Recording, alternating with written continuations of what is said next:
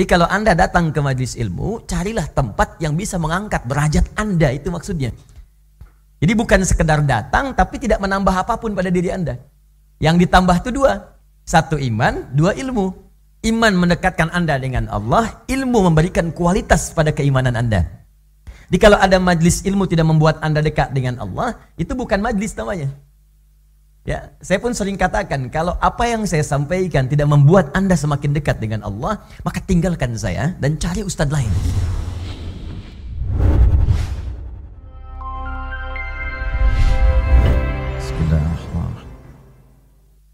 Assalamualaikum warahmatullahi wabarakatuh.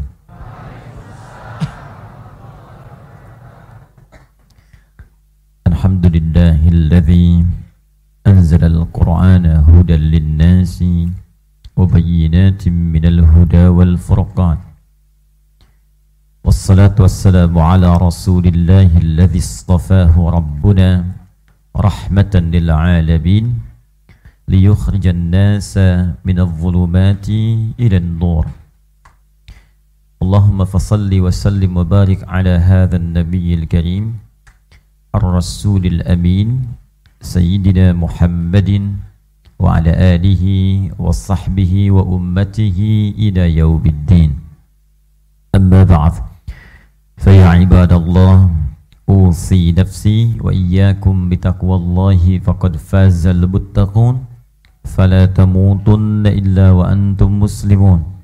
فقال تعالى يا أيها الذين آمنوا اتقوا الله حق تقاته.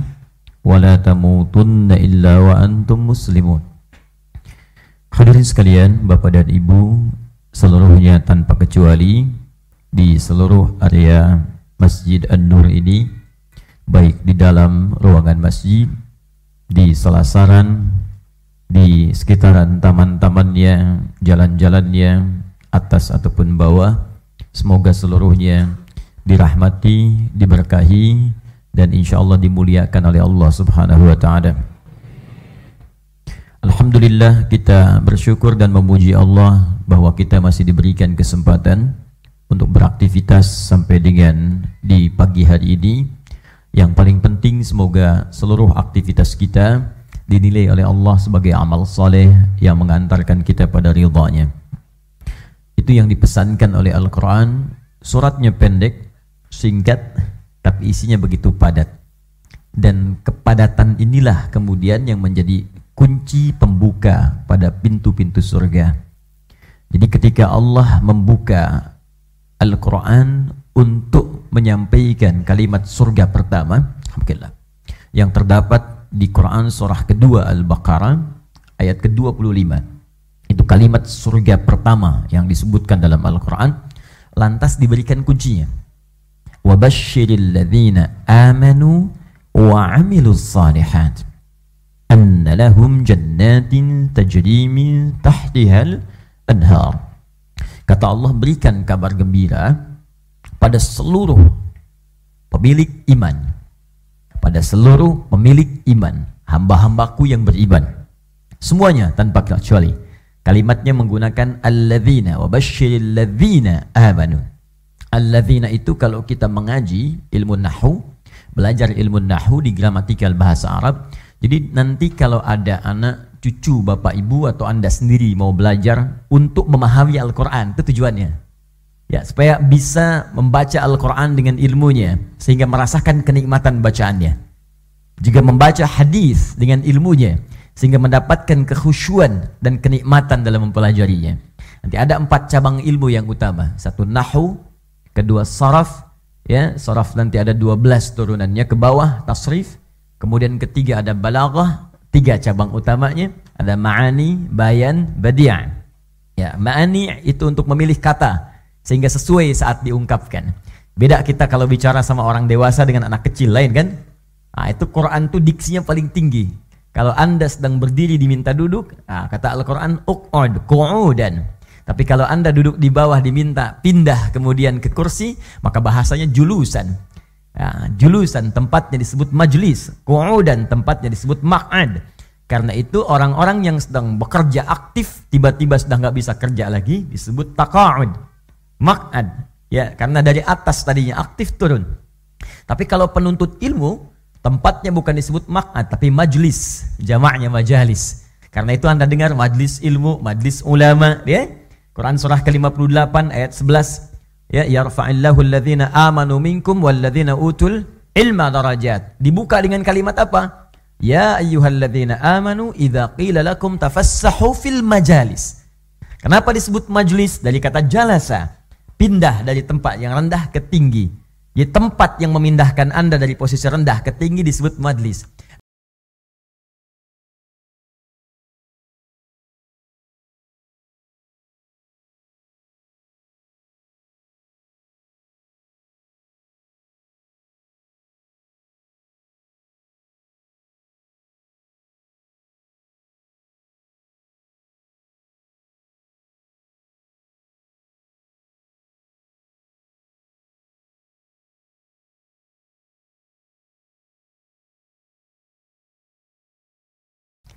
Ya, karena ini poin yang paling penting ya. Baik, wabasyiril ladzina amanu, berikan kabar gembira pada semua pemilik iman. Ma'ani kuat. Ya, di ilmu balaghah. Bayan cara mengungkapkan supaya jelas, ya, jelas diungkapkannya. Lakukan ini, tinggalkan ini, jelas. Ya, sehingga tidak ambigu dalam pemahaman orang. Itu balaghah. Yang ketiga badia. Kadang-kadang jelas diungkapkan tapi orang nggak suka.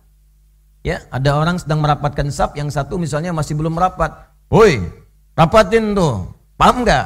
Jelas kan? Tapi nggak enak gitu. Nah, maka butuh ilmu yang ketiga, namanya badia. Badia itu mengemas satu kalimat yang dengan kemasan itu yang diajari serasa tidak tergurui, yang diluruskan pun merasa nyaman menerimanya. Itu badia. Ya, sama kayak Anda ungkapkan pada pasangan, aku mencintaimu, itu masih biasa. Ya, tapi kalau Anda katakan rembulan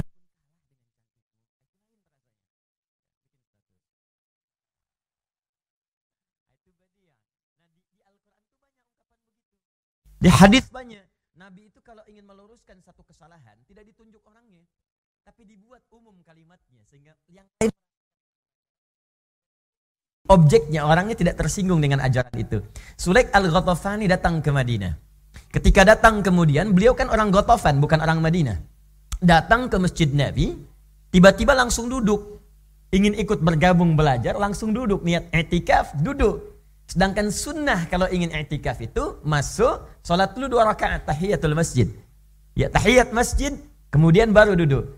Karena ini belum tahu dari Ghatafan, maka Nabi kemudian keluarkan kalimat. Perhatikan kalimatnya indah sekali. Idza dakhala ahadukumul masjida ya wa yuridu an yajlisa fala yajlis hatta yusalli rak'atain. Jika siapa pun di antara Anda, Nabi nggak pernah tunjuk orangnya. Hei, hei, salat dulu. Tidak. Jika ada di antara Anda yang masuk masjid dan berkeinginan duduk i'tikaf, maka hendaknya lebih baik dia salat dulu dua rakaat baru kemudian duduk. Dibuat umum kalimatnya dan orang merasa, oh iya kita ya, iya kita. Padahal yang dimaksudkan Sulaik al-Ghatafani. Maka di situ kemudian digunakan hadis untuk memperkuat kesunahan salat tahiyatul masjid. Ya. Keempat nanti ada ilmu arud. Ilmu arud itu untuk membedakan antara Al-Quran dengan syair biasa. Ya, kadang-kadang bagi orang Arab mudah, tapi bagi kita orang Indonesia, ya baru dengar orang Arab bikin kalimat kan amin, amin, gitu kan. Nasa'adha bila sumat baru amin ya. Besok insya Allah saya akan pergi ke Sumatera amin. gitu kan? Nah, jadi bagaimana membedakan sebuah kalimat dengan Al-Quran khususnya maka kalimat-kalimat di, di luar Al-Quran yang indah-indah itu baik syair, Kasidah itu ada 16 rumus. Di ilmu arud disebut bahar namanya. Bahar. Ada tawil. Tawilun lahu dunal bukhuri fadailu. Fa'ulun mafa'ilun fa'ulun mafa'ilu. Ada rajas. Mustaf'ilun mustaf'ilun mustaf'ilun. Mustaf'ilun mustaf'ilun mustaf'ilun. صوت الصفير البلبلي هيج قلب الثمل الماء والزهر معا مع الزهر لهض المقلي فأنت يا سيد لي وسيدي ومولدي فكم فكم تيمني غزيل أقيقلي قطفته من وجنة من فعل هذا الرجل فقال لا لا لا, لا فقد غدا مهرولي والولد والولد ولي ولي ويل فقلت لا تولولي فبين اللؤلؤ لي قالت له هنا كذا إن الوذ ذو المقلي كهتن ككيل لي طبطبي طبطبي طبطبي طبطبي طبطبي لي ulangi Nah, ini i semuanya tuh i i i i i Makanya dulu pernah ada orang menduga Al-Quran itu syair. Karena ujungnya mirip-mirip sama. Wadduha wallayli idha saja ma wadda'aka rabbuka wa ma qala walal akhiratu khairul laka minal ula. Ah, semua. Ya, ada yang menuduh dulu zaman jahiliyah, tapi karena tidak masuk dalam rumusan tadi, mereka nggak bisa klaim ini bukan syair. Rumusnya beda, lain, dan ini bukan masuk dalam rumusan syair. Bukan. Karena itu ketika dicari nggak ada yang bisa nandingi. Nah itulah untuk membedakan itu. Yang kedua, untuk membedakan bagaimana cara membaca Al-Quran. Karena nanti syair itu punya langgam. Ya punya lagu. Quran tidak. Quran menggunakan tajwid. Makanya dibaca oleh siapa pun itu kedengarannya indah saja. Karena rumusannya panjang pendek, panjang pendek, ikhfa, hukum nun ada lima gitu kan. Ya ada ikhfanya, ada gunnahnya, kemudian ya ada idgham bila gunnah, idgham bi gunnah, ada kemudian iqlab dan seterusnya. Ada pandangan-pandangannya, tapi yang lain nggak bisa. Ya makanya orang jahiliyah pun dulu ketika kemudian masuk Islam sebagian besar mereka lalu mulai membaca Al-Quran tidak pernah membaca Al-Quran menggunakan rumus-rumus 16 tadi. Ya madid misalnya. Mufa'alatun mufa'alatun fa'ilatun tala'al badru alaina min thaniyatil wada'i wajib syukru alaina mada'alil mada'alillahi da'i. Tapi nggak pernah rumus ini dipakai baca Al-Quran. Ya, wadduha wal laili idza saja. Ya, kan nggak ada yang baca begitu kan? ya kan? Ah, makanya orang jahiliyah pun nggak pernah menggunakan langgam-langgam lagu untuk membaca Al-Quran. Jadi kalau ada orang sekarang pakai begitu, berarti lebih rendah pemikirannya dibanding jahiliyah. Jelas ya? Iya karena budu wa iya karena stain. Tinggalin aja tuh. Jelas. Baik. Nah, ini wabasyiril ladzina amanu. Berikan kabar pada semua orang beriman. Di ilmu nahwu alladzina itu namanya ismun mausulun yadullu 'ala al-'amiyah. Huruf yang menunjuk pada objek seluruh tanpa kecuali. Di besar, kecil, tua, muda, laki-laki, perempuan, ya kaya, cukup semua. Kata Allah, semua berpotensi masuk surga. Ya, tidak cukup dengan amin, kita teruskan dulu. Ya, belum selesai ayatnya. Siapa yang semua ini? Makanya kata Nabi, semua umatku akan masuk surga. Kecuali yang tidak pengen. Illa man aba. Jadi kalau ada mengaku umat Nabi nggak masuk surga, bukan karena dia nggak diberikan surganya oleh Allah, karena dia nggak pengen. Syaratnya cuma dua kok kata Al-Quran. Satu, amanu, dia mau beriman. Dan beruntungnya kita bahagia sekali. Kunci surga yang ini, kuncinya, itu sudah diberikan oleh Allah bahkan semenjak kita dalam usia kandungan 4 bulan. Dalam empat bulan ini sudah jelas. Ada komunikasi dan kita bersyahadat dalam perut ibunda kita. Ya, apa syahadat jadi sebut langsung di Quran surah ke-7 Al-A'raf ayat 172. Ya, wa idz akhadha rabbuka min bani adama min zuhurihim dzurriyyatahum wa ashhadahum syahadat. Wa ashhadahum dari kata syahadat. Ashhada ya disyahadatkan langsung. Jadi kalau syahida yashhadu bersyahadat, ashhada yushhidu disyahadatin. Di Allah sudah mensyahadatkan kita sejak dalam kandungan. Wa ashhadahum ala anfusihim alastu bi rabbikum qalu bala syahidna. Allah mensyahadatkan setiap hambanya. Ya, saat mereka berada dalam kandungan ibundanya, usia empat bulan. Ya, kata Allah, alastu bi rabbikum, apakah engkau siap menjadikan aku sebagai Tuhanmu? Maka jawaban kita semua bala syahidna. Bala, tentu ya Allah syahidna kami bersyahadat. Karena itu ketika keluar dari perut ibundanya dilahirkan ia, maka Nabi menyebut kullu mauludin yuladu alal fitrah. Makna fitrah jelas. Ya, fa'akim wajhaka lid-dini hanifa fitratallahi allati fataran nasa 'alaiha. Eh, fa'akim wajhaka lid-din, hadapkan dirimu kepada ad-din. Apa ad-din yang dimaksudkan? Quran surah ketiga ayat 19. Inna ad-dina 'indallahil Islam fitrah Allah fataran nasa itulah fitrah Allah yang telah diberikan pada semua manusia tanpa kecuali. Karena itu ketika terlahir diingatkan lagi lewat adzan, syahadat diingatkan lagi supaya nggak lupa bahwa kamu pernah bersyahadat lima kali dalam sehari. Lima kali dari pagi, bayangkan dari bangun tidur sampai mau tidur lagi. Bangun tidur sampai mau tidur lagi, kalimat syahadat muncul. Kalimat Allah dulu diperkenalkan. Allahu Akbar, Allahu Akbar. Bukankah setelah itu syahadat? Asyhadu an la ilaha illallah. Subuh. Siang ada lagi kalimat itu. Kemudian sore ada lagi. Maghrib mau malam ada. Sebelum tidur diingetin lagi. Supaya saat tidur pun wafat dalam keadaan bersyahadat. Bangun wafat dalam keadaan bersyahadat. Karena itu dalam ta'lim pun sering kali dibuka dengan pengingat jangan sampai wafat kecuali bersyahadat muslim. Ya ya ayyuhalladzina amanu taqullaha haqqa tuqati wa la tamutunna illa wa antum muslimun. Tuh.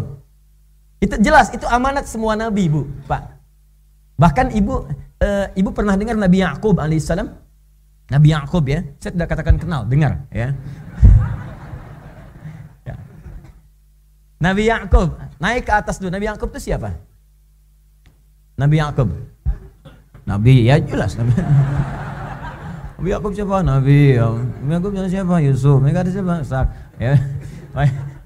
Nabi Yakub itu anaknya Nabi Ishak ya alaihissalam. Nabi Ishak siapa? Anaknya Nabi Ibrahim alaihissalam dari Sayyidah Sarah. Ya dari Sayyidah Hajar ada Ismail alaihissalam. Baik. Nabi Yakub ke atasnya Ishak alaihissalam, ke atasnya Ibrahim alaihissalam. Baik, dari Nabi Ibrahim, sejak Nabi Ibrahim itu mewasiatkan kepada semua keturunan dia supaya menjaga keimanan kepada Allah jangan sampai wafat kecuali menjadi hamba yang tunduk di hadapan Allah. Buka di Quran surah kedua Al-Baqarah ayat 132. Wa wassa biha Ibrahimu banihi wa Yaqub Ya baniya inna Allah astafa lakumud dina fala tamutunna illa wa antum muslimun. Wa wassa biha Ibrahimu banihi dan Ibrahim mewasiatkan kepada semua keturunannya. Bani itu, itu semua keturunan tanpa putus. Ya, makanya anak cucu Adam, sejak Adam bertemu dengan Sayyidah Hawa dalam kehidupan di bumi, bertemu, berumah tangga, melahirkan keturunan. Sampai kiamat berakhir, semua manusia keturunan Adam disebut Bani namanya. Bani Adam. Disebutkan tujuh kali dalam Al-Quran. Ya, tujuh tempat berbeda. Bani Adam. Jadi kita tuh Bani Adam. Anak keturunannya Adam. Jadi setiap ada manusia di muka bumi pasti tersambung kepada Adam alaihissalam. Jangan percaya tentang teori yang lain. Manusia berasal dari monyet. Katakan pada orang itu, kalau bapak dari monyet, bapak saja jangan ajak-ajak saya. Ya, semua dari Adam. Nah, Bani Ibrahim, Bani Ibrahim keturunan Ibrahim alaihissalam. Dari Adam juga turun ke bawah. Diwasiatkan oleh Nabi Ibrahim, jangan sampai wafat kecuali Muslim. Muslim, Muslim, Muslim. Kalimat itu yang ditarik sampai ke Nabi Muhammad SAW diturunkan Quran surah ketiga ayat 102. Itulah para ustadz sering mengutip kata-kata itu karena sunnah para nabi sampai ke atasnya. Jelas ya? Jangan sampai wafat pak, bu, selamatkan iman karena iman itu kuncinya. Beruntungnya kita kunci itu diberikan oleh Allah. Cuman persoalannya kunci itu kan mesti ada pintunya. Bapak ada kuncinya, tapi pintunya nggak ada. Bagaimana membukanya? Kunci surga itu diberikan oleh Allah. Cuman pintunya kan yang mana harus dibuka. Nah, beruntungnya kita, pintu-pintu surga itu dibentangkan luas oleh Allah dalam wujud amal saleh. Amal saleh. Kalau banyak amalnya disebut amilus salihat. Karena pintu surga itu setidaknya ada delapan pintu yang disampaikan. Baik dalam Al-Quran ataupun hadis maka dibuatlah amalan-amalan terbuka untuk memilih sesuai kemudahan apa yang bisa kita lakukan. Ada pintu puasa disebut Ar-Rayyan. Kuncinya ada iman. Maka dari iman ini bukalah pintu itu kalau Bapak Ibu ingin masuk lewat pintu Ar-Rayyan, maka rajin puasa dari sekarang. Makanya kalimat puasa dalam Al-Qur'an dibuka dengan kata iman. Buka Quran surah kedua Al-Baqarah ayat 183. Ya ayyuhalladzina amanu iman dulu. Karena kalimat surganya pakai iman. Wa basyiril ladzina amanu iman dulu. Ya, wa amilus solihat kerjakan amal soleh baru annalahum jannat diberi surga apa amal solehnya ya Allah? Diturunkan. Nih pintu yang pertama. Ar-Rayyan. Buka lewat Ar-Rayyan. Masuk. Rajin puasa. Ya ayyuhalladzina amanu kutiba alaikumus siam. Di kalau ingin buka pintu Ar-Rayyan. Puasa. Asyam. Asyap gak bisa masuk. Asyam masuk. Asyam. Asyam. Asyam. Masuk. Ya, bilangin asyam. Jelas ya? Ar-Rayyan. Ada lagi pintu tahajud, ada pintu tahajud. Bahkan kalau yang rajin sholat, ada juga khususnya pintu orang-orang yang rajin sholat. Ada. Makanya kalimat sholat pertama dalam Al-Quran dibuka dengan kalimat iman. Coba cek lagi deh. Ayo ngajinya, ngajinya yang utuh ngajinya. Ya. Quran surah kedua ayat ketiga. Alladzina yu'minuna bil ghaib wa yuqimuna shalah. Bukankah sebelum salat ada kalimat iman dulu? Alladzina yu'minuna bil ghaib. Ayo yang mau masuk pintu tahajud, rajin tahajud malamnya. Ya, ayo jadi pendukung rel masjid. Ya, rel, rel masjid sudah selesai, rel masjid naik. Ya, kerjakan tahajud, duhanya. Jadi rumusnya gampang kok, Bu. Ya, Gampang, teorinya mudah, prakteknya yang kadang-kadang butuh keseriusan. Dikeluarkan semua jenis sholat. Keluarkan aja. Misal, yang fardu kita sudah paham semua, kan? Dan tidak akan berubah sampai kiamat selesai. Ya, subuh tetap dua. Jangan terlampau soleh ingin kerjakan tiga, nggak usah. Tetap dua. Ya, cuman anda keluarkan sunnahnya. Sebelum subuh ada tidak, setelah itu ada tidak. Antara subuh ke zuhur ada tidak. Syuruknya, duhanya. Zuhur ke asar ada tidak. Yang asar ke maghrib ada tidak. Maghrib ke isya ada tidak. Isya ke subuh ada tidak. Keluarkan itu. Tuliskan kemudian di catatan anda. Ya tempelkan catatan itu di dinding anda. Insya Allah kami sekeluarga akan masuk surga lewat pintu orang-orang sholat. Tuliskan semuanya, dawamkan di rumah. Itu aja udah. Itu caranya. Baru tuliskan kalau sudah yakin, amalan sudah jalan, baru tulis depan pintu. Baiti jannati. Rumahku surgaku. Itu cocok.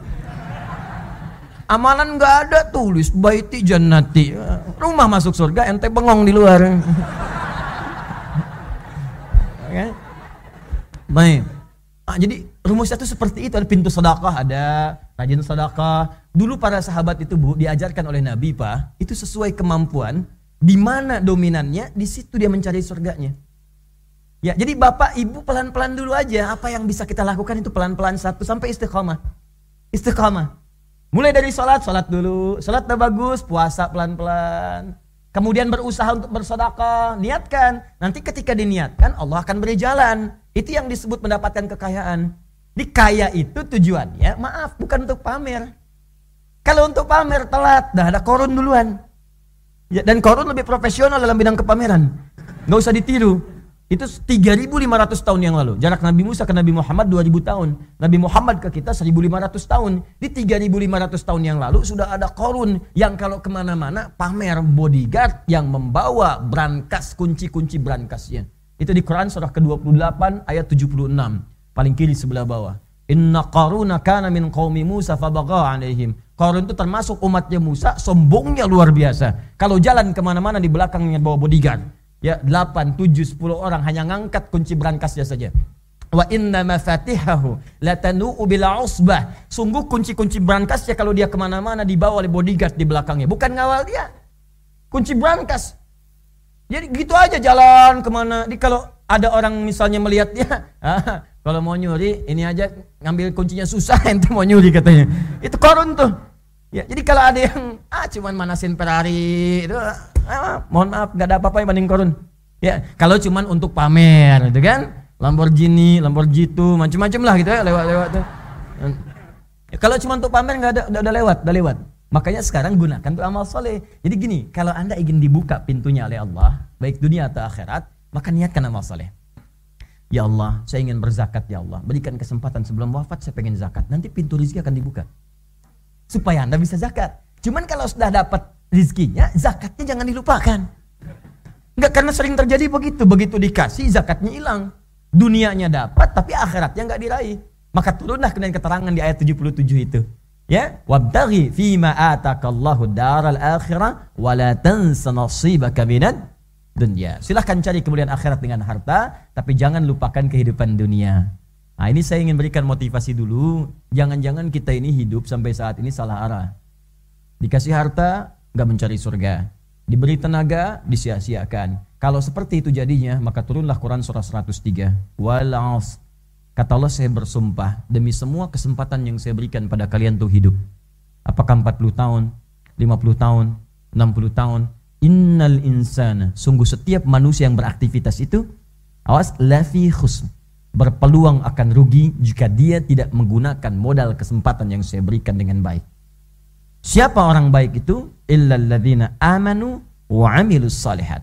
Kecuali orang-orang yang punya iman dalam dirinya dan imannya membimbing dia untuk memanfaatkan waktu demi berbuat baik dalam kehidupan. Maka itu saya ingin memberikan nasihat kepada diri saya dan kita semua. Eh manfaatkan sisa waktu kita. Kalau kita sadar bahwa yang dulu-dulu itu banyak kurangnya, seharusnya sisanya lebih baik. Ah, ini aneh, sudah tahu dulunya banyak berbuat maksiat.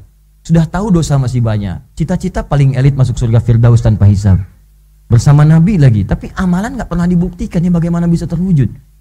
Ya, karena itu ayo kita ikhlaskan niat kita dulu. Kita mengaji dengan benar. Semoga apa yang kita lakukan hari ini mungkin bisa melipat gandakan pahala dan menutup dosa yang pernah kita kerjakan dulu insya Allah. Yuk kita mulai kajian kita. Tadi mukaddimah. Ya.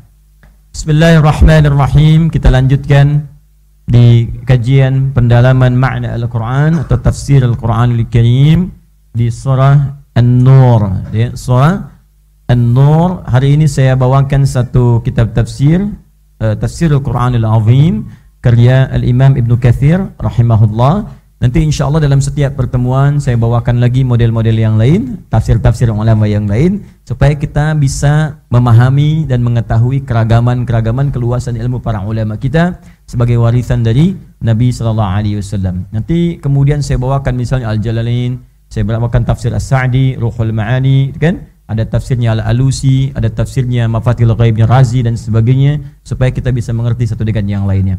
Jadi maksudnya begini, kalau teman-teman mendapatkan pemahaman begini, oh ini terambil dari tafsir ini, dipraktekkan oleh saudara kita yang lain. Jelas ya? Jadi kita mengerti sumbernya dari mana. Jangan-jangan selama ini bukan mereka yang salah, tapi ngaji kita yang kurang luas. Paham? Eh, siap insya Allah?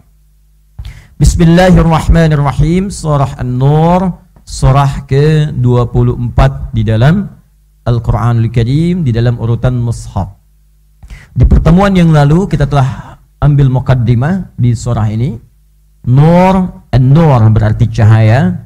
Di ayat ini ada bimbingan-bimbingan dari Allah Subhanahu wa taala yang memberikan cahaya petunjuk kepada kita dalam menjalani kehidupan. Singkatnya cahaya dibagi dua, ada cahaya sifatnya fisikal hissi, cahaya matahari dengan sinarnya. Pantulan dari cahaya matahari ke bulan dengan sinarnya. Cahaya dari lampu yang dipantulkan sampai dengan ke kita. Maka ketika cahaya itu ada, benda-benda sekitaran kita nampak terlihat dengan jelas. Yang bukan milik kita kita tinggalkan, yang punya kita kita bisa gunakan. Karena ada pantulan cahaya matahari, Anda bisa melihat di luar jelas alas kaki, sendal banyak mereknya. Tapi Anda bisa bedakan yang punya Anda dengan punya orang lain. Tapi kalau kemudian padam cahayanya, malam tiba lampu tak ada, maka tak bisa kita bedakan. Maka sulit kemudian keadaan kita lalui. Kalau padam lampu kan mohon maaf, mati itu bagi yang bernyawa ya. Kalau lampu itu padam, ya mati bagi yang bernyawa ya. Ayam mati gitu kan. Kemudian kucing mati, manusia meninggal, wafat ya. Baik, bagi yang bernyawa, lampu padam. Jadi padam lampu malam hari, saya kan? Bukankah saat itu ada kepanikan? Ya, cari lilin, cari ini, cari itu, ya. Bahkan ada sebagian orang disuruh kemudian apa e, coba buka giginya gitu kan supaya terang. Ya, ada yang macam-macam lah gitu. Jadi semua gelap panik, panik, panik. Paniknya apa? Karena tak nampak. Jadi cahaya punya fungsi menerangi di sekitaran supaya terlihat dan terbedakan. Mana yang bisa kemudian diambil, mana yang harus ditinggalkan, apa yang dilakukan, apa yang ditinggalkan. Demikian pula ketika Allah ingin memberikan cahaya yang kedua maknawi, ada cahaya akhlak bimbingan perilaku. Ada cahaya Rabbani Tauhid, bagaimana mendekat kepada Allah Subhanahu wa taala. Dengan cahaya akhlak ini kita bisa bersikap dengan baik. Mana yang bisa kita kerjakan, bagaimana mata memandang, apa yang tidak boleh dipandang, bagaimana telinga mendengar, apa yang nggak boleh didengar, bagaimana kaki melangkah, ke mana saja dibolehkan dan ke mana tidak dibolehkan. Maka ketika seseorang mendapatkan cahaya Allah dalam kehidupannya, maka sudah dijamin 100% dengan izin Allah dia akan menjadi orang baik dan bisa membedakan dari perilaku-perilaku kehidupannya. Surah ini satu surah langsung disebut dengan surah cahaya karena isinya memuat 10 poin cahaya yang bisa membimbing kita dalam kehidupan. Kalau kita dapatkan itu, maka ada jaminan dalam Al-Quran, jadilah kita hamba mulia yang memiliki pancaran cahaya di hadapan Allah Subhanahu wa taala. Itu yang kita bahas di pertemuan lalu. Dan surah ini madaniyah artinya diturunkan oleh Allah Subhanahu wa taala pada Nabi Muhammad sallallahu alaihi wasallam setelah beliau berhijrah. Kalau ada surah atau ayat diturunkan pasca hijrah, saya terangkan di pertemuan yang lalu, maka surah ini adalah bimbingan praktikal kehidupan setelah kita kenal dekat dengan Allah Subhanahu wa taala melalui pendidikan tauhid. Maka mari kita baca kalimat per kalimat, huruf per huruf di surah ini Mudah-mudahan Allah berikan pemahaman kepada kita dengan baik sehingga bisa kita amalkan. Bismillahirrahmanirrahim. Fokus baik-baik. Bagi yang tidak membawa mushaf, boleh buka aplikasi. Bagi yang ada mushaf dilihat dan saya sarankan dalam kajian tafsir kita di pertemuan nanti kita bisa membawa perangkat mushaf ya. Suratun anzalnaha wa faradnaha wa anzalna fiha ayatin bayyinatin la'allakum tadhakkarun. Ikuti saya. Suratun أنزلناها وفرضناها وأنزلنا فيها وأنزل ذل زلنا فيها آيات بينات la'allakum tadhakkarun Lihat ada za, ada za itu beda. Za, za, za. Gigit sedikit tidaknya za, za, za, za, za. Ada za, ada za, ada ja itu beda. Ja itu hurufnya huruf hentakan. Ja jadi dari dalam infijar, jadi dari dalam dikeluarkan. Makanya ada lima. Sebentar. Qaf, ta, ba, jim, dal. Singkat qut mujadin. Qalqalah ada pantulan tapi kalau dikeluarkan ledakan dari dalam keluar. Infijar namanya. Ja, ja, ja. Ya. Za, za digigit. Za dengan sa itu sama. Za, za, za, za, za, za. Jangan terlalu kencang gigitnya, terputus saya yang salah.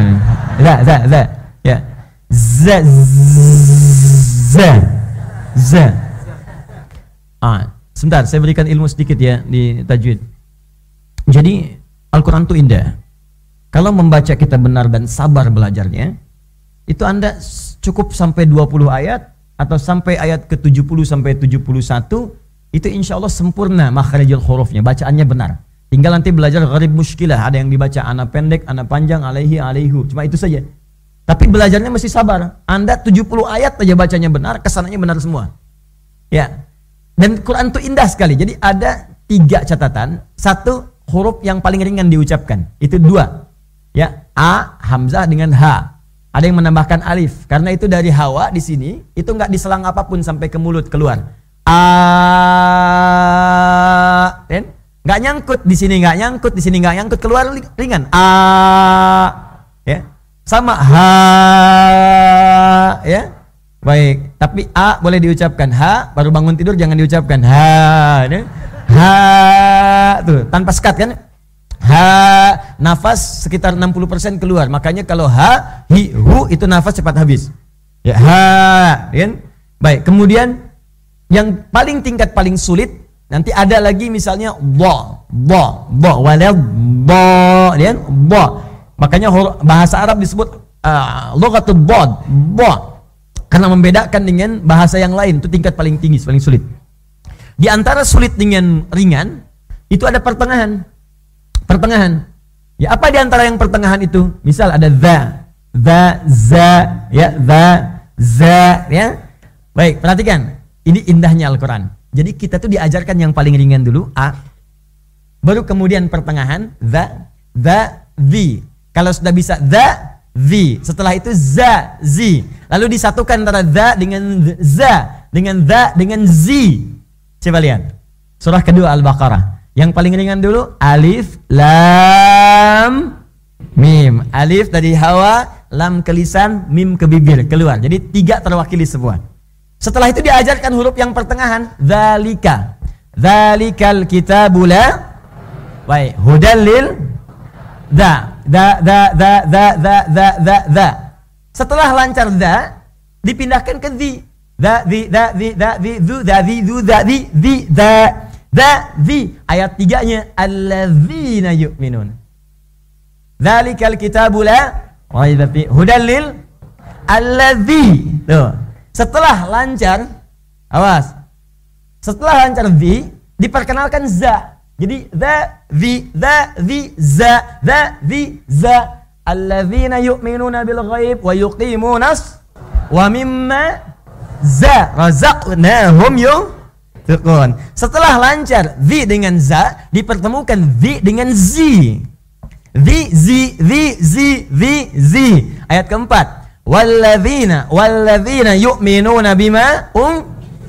Tuh. Ya, zi dengan zi. Jadi kalau Anda benar mengajinya, benar mengajinya itu Masya Allah pertengahan lancar. Za zi za zi za zi za zi za zi za zi zi za za za za zi za zi za za. Nanti ke sananya akan disatu-satukan.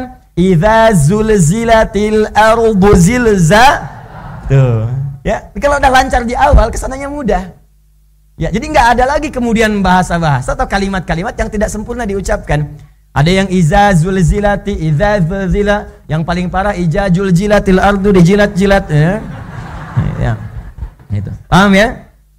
Ah, nanti ada dipertemukan nanti آه، قال إنه يقول إنها بقرة لا ذلول تثير الأرض ولا تسقي الحرث مسلمة لا شية فيها. كتم اسمه دي سيتو ذا فا شا قال إنه يقول إنها بقرة لا ذلول تثير, تثير الأرض ولا تسقي الحرث مسلمة لا شية فيها. Qalu qalu al-ana ji'ta bil haqq. Fadhabahuha fadhabahuha wa ma kadu ketemu semua. Jadi kalau ibu bapak ngaji, ketemu guru yang ketat, berbahagialah. Bersyukur, terima kasih ya Allah engkau kirimkan guru yang seperti ini. Ya, itu harus paham. Begini harus paham. Kalau nggak ngerti nanti capek sendiri. A'udhu bu dzu dhu. Pak jangan yang ini gurunya ganti aja besok.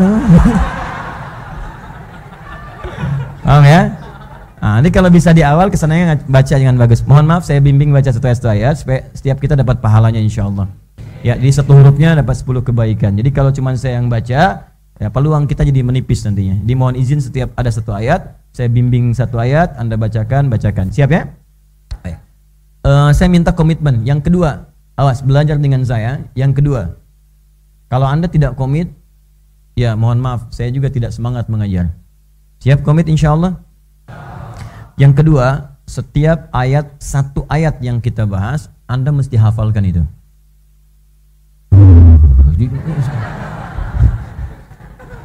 Bu, satu ayat itu nggak banyak. Ya. Kalau ayatnya cuma al-qalam nun, Ini sebulan mas, saya semangat, semangat, semangat. Jadi saya pengen bacanya benar, kita hafalkan. Sepakat ya? Sepakat. Jadi mohon maaf, kalau mau datang ke kajian, tolong ingatkan setting di handphonenya masing-masing. Kajian saya di Hidayat, surat An-Nur. Kita mulai sekarang. Jadi setiap pertemuan kalau ada saya bahas satu ayat, berarti satu ayat itu bulan depan mesti hafal. Siap? Nanti insya Allah begitu hatam suratnya, hafal kita suratnya semua. Ya, siap ya insya Allah ya. Baik. Kalau tidak hafal, jangan masuk dalam, tunggu di luar. Dan tidak punya hak bertanya. Amin. Bismillahirrahmanirrahim. Saya baca dulu dari paparan uh, Imam Ibnu Katsir, baru setelah itu saya terangkan dari kaidah bahasa Al-Qur'annya.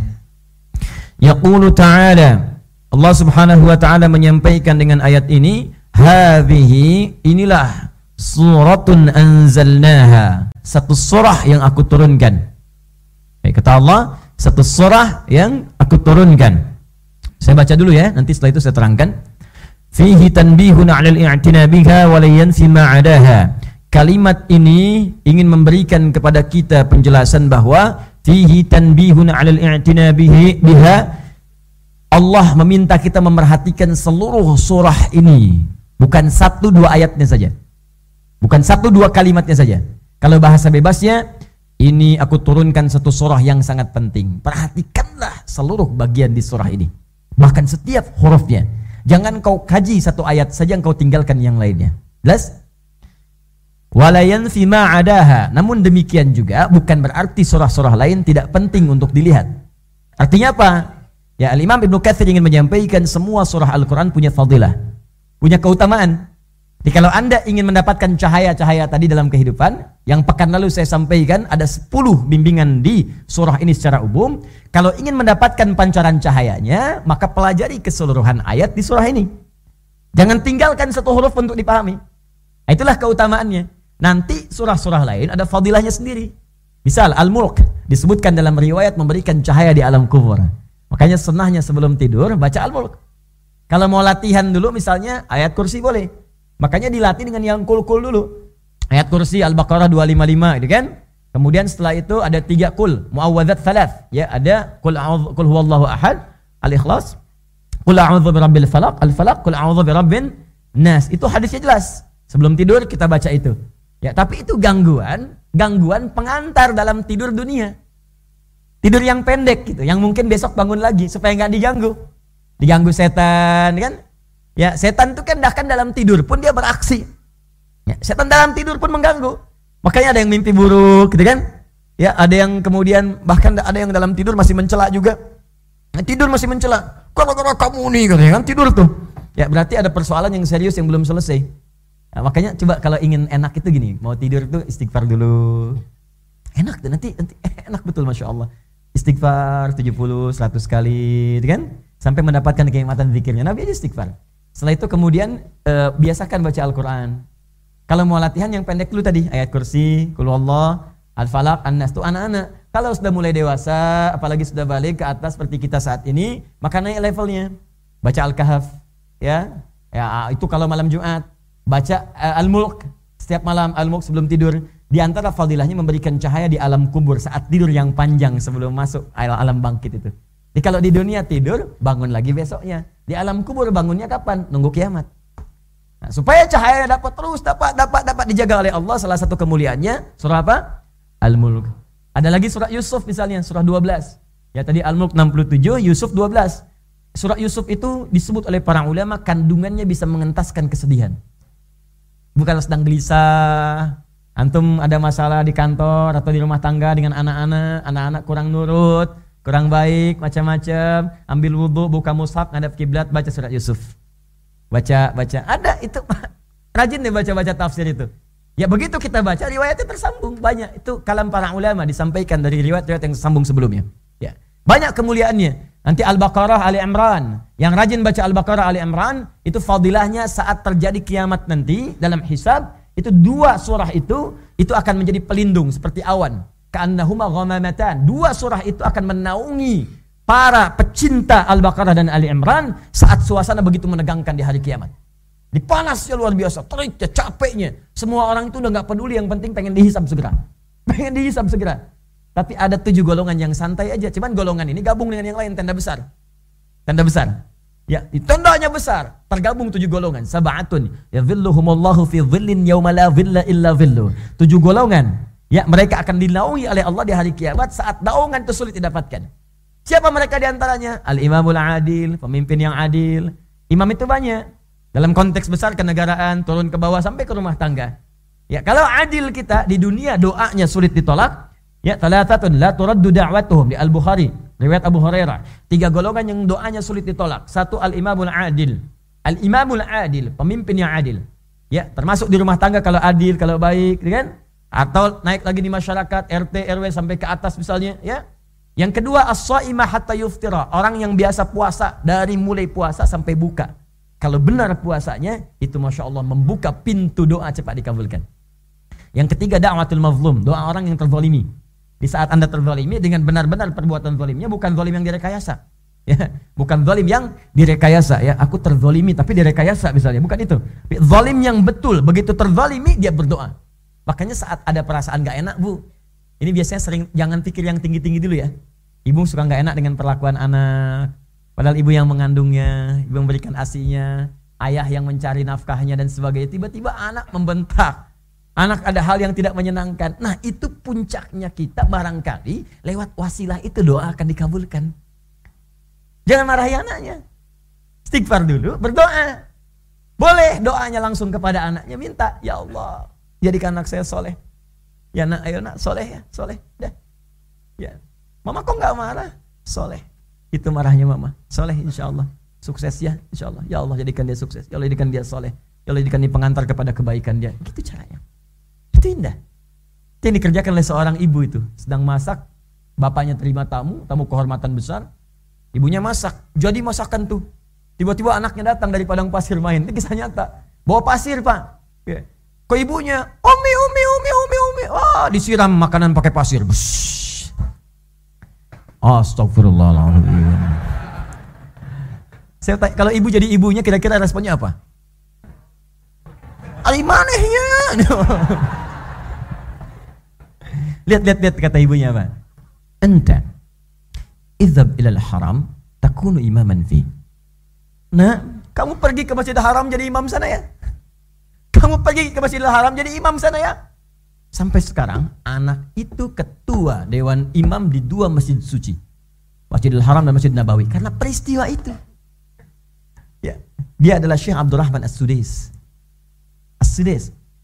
Alhamdulillahi Rabbil Alamin. Tuh yang kadang agak mirip lah begitu gitu.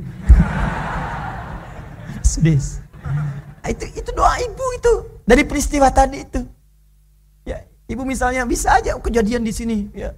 Wah, demikian. Kamu pergilah ke tanah suci di imam. Ya, ya kalaupun nggak di tanah suci, tanah kusir kan bisa anur, al-hikmah gitu kan. Bismillah. Jelas ya? Nah, jadi setiap surah dalam Al-Quran punya fadilahnya. Karena itu belajar yang baik. Belajar yang baik, belajar yang benar. Nanti setiap kita ingin mengamalkan surah itu, lihat keutamaannya. Kapan baca Al-Muluk, kapan baca Al-Kahf, kapan baca Yasin, kapan baca Al-Baqarah, semua ada. Nah, An-Nur ini punya keistimewaan jika ingin mendapatkan bimbingan cahayanya. Di kalau sedang gelap-gelap, ya maaf, pikiran gelap. Di kantor, tender kita diserobot orang, gitu kan? Terus udah mau lamaran diambil orang juga, gitu kan? Ya pekerjaan kita dan macam-macam dan seterusnya. Maka bagaimana caranya? Cari cahaya. Ya. Teruskan. Wa faradnaha qala Mujahid wa Qatada. Sedangkan wa faradnaha yang dimaksud dengan kalimat faradnaha disampaikan oleh Imam Mujahid dan Imam Qatada ay bayyana al-halal wal haram wal amra wal nahy wal hududa. Yakni kata Allah kami pun di surah ini akan menerangkan kepada kalian tentang yang halal itu mana, yang haram itu mana. Jadi nanti di ayat ini semua ayat di surah An-Nur ini ya umumnya akan menerangkan kepada kita cahaya-cahaya untuk menunjukkan ini halal ini haram. Kalau mau dikerjakan kita paham. Ya misal Anda mau cari pekerjaan nih, yang halal yang ini, yang haram yang ini. Bahkan jangankan cari pekerjaannya untuk mendapatkannya. Saat Anda berjalan pun mata Anda mulai memandang, nanti Anda akan temukan bimbingannya. Ini yang harus dilihat, ini yang tidak. Di jalan nih, ya mau bekerja misalnya kan cari nafkah atau mau cari pekerjaan pun Anda lewat saja kan kadang mata kita kalau melihat semua kan kelihatan. Ya. Kalau pandangan kita masih jelas. Itu pun di ayatnya ada bimbingan. Kalau pengen dapat cahaya dalam pekerjaanmu, maka ini yang mesti engkau lihat, ini yang jangan dilihat. Indah. Ini halal, ini haram. Ini tinggalkan, ini lakukan. Do it, live it. Ya, ini kerjakan. If'al la taf'al jauhi ini. Baik, teruskan. Kemudian wal amra wan nahya. Di sini akan dijelaskan perintah dan larangan. Jadi kalau yang pertama itu membuka objek, ini yang halal, ini haram. Yang kedua, bagaimana cara kita mendapatkan yang halal, menjauhi yang haram, maka diturunkan kemudian perintah dan larangan. Ya, perintah. Jadi ketika Allah memberikan perintah itu, baik ibadah sifatnya, ataupun bimbingan hidup sebetulnya untuk memudahkan kita mencapai tujuan. Contoh gini, ya siapa yang pengen sukses angkat tangan. Ya baik, dah turun. Ya. Siapa yang ingin bahagia angkat tangan. Baik, nah. Uh, pilih sukses tidak bahagia atau bahagia tapi nggak sukses. Nggak ada pilihan ketiga, jangan dulu. Uh. Nah, sekarang siapa yang pengen sukses dan bahagia? Ya, alhamdulillah sudah. Itu nggak ngangkat pun pasti. Nah, sukses dan bahagia namanya falah. Salah. Apa namanya? Falahun. Falahun. Kalau itu digenggam oleh kita, begini, saya menggenggam kesuksesan dan kebahagiaan. Dan gak mau saya lepas. Itu aflah namanya. Apa namanya? Aflah. Baik, sukses dan bahagia namanya apa? Nah, supaya kita menggenggam aflah nih, aflah kita genggam dengan baik untuk mendapatkan falah. Bagaimana caranya? Falah halalun. Ya kan? Ini yang ingin saya dapatkan. Bagaimana mendapatkannya? Amrun Allah turunkan perintah. Perintah itu diturunkan supaya kita menggenggam kesuksesan. Bukan supaya kita capek mengerjakan perintahnya. Dia pahami dengan baik nih cara berpikirnya. Kalau nggak paham ini, nanti malas mengerjakan perintahnya. Contoh apa? Allah turunkan perintah untuk ibadah, sholat. Misal, di ketika Allah meminta kita sholat, sebetulnya bukan sholatnya. Tapi sholat itu wasilah untuk mendapatkan kebahagiaan dan kesuksesan yang kita inginkan. Makanya ketika kita diminta sholat, diumumkan dulu sebelum sholat supaya kita termotivasi dan meluruskan cara berpikir kita yang keliru sehingga tidak menjadikan sholat sebagai beban. Apa itu informasinya? Lima kali dalam sehari sebelum sholat. Muazin mengumandangkan Allahu Akbar, Allahu Akbar. Sampai ke kalimat Hayya ala sholat. Ayo sholat, ayo sholat, ayo sholat. Diajak sholat. Tapi kalimatnya nggak berhenti di situ. Mudah Allah kemudian mengilhamkan pada Nabi, mewahyukan, sampaikan pada muadzin setelah hayya 'ala shalah la ilaha illallah selesai. Tapi ada kalimat yang disampaikan untuk memberikan motivasi kepada kita. Ini yang saya maksudkan supaya kalian sholat. Ini dapat ini. Bagi saya nggak penting sholatnya. Kalian nggak sholat pun semuka langit dan bumi tidak akan menurunkan satu saya sebagai Tuhan kata Allah. Tetap saya Tuhan. Cuman yang butuh sholat itu kamu karena sholat itu wasilah untuk mendapatkan apa yang kamu inginkan. Bapak ibu itu ingin mendapatkan misalnya, maaf ya, Anda ingin nasi goreng kebun sirih. Berangkat ke sana tuh. Ya kan? Apakah dengan sekedar, ya Allah, nasi goreng kebun sirih. Nasi goreng kebun sirih. Anda dapat? Tidak. Anda kan mesti berangkat dulu. Siapkan dulu kendaraannya, atau Anda pesan dulu. Di pesan kendaraan itu bukan ingin memberikan beban kepada Anda untuk bisa mengarungi perjalanan, bahkan kadang-kadang sampai macet, Ya, untuk memberikan kesulitan bukan supaya dengan kendaraan itu jadi wasilah Anda sampai kepada apa yang Anda inginkan. Salat itu perintah. Perintah itu diturunkan bukan ingin memberikan beban pada Anda supaya salat. Anda nggak salat pun Allah nggak rugi. Cuman setelah kalimat hayya 'ala shalah, Anda bertanya kenapa salat? Hayya 'alal falah. Aku ingin berikan kebahagiaan. Bukankah engkau menuntut kepadaku, ya Allah berikan kebahagiaan di rumah tanggaku. Berikan kebahagiaan di pekerjaanku. Berikan kesuksesan dalam karirku. Sekarang Allah berikan jalannya. Ini manusia paling aneh di muka bumi. Minta dikasih nggak diambil. Aneh.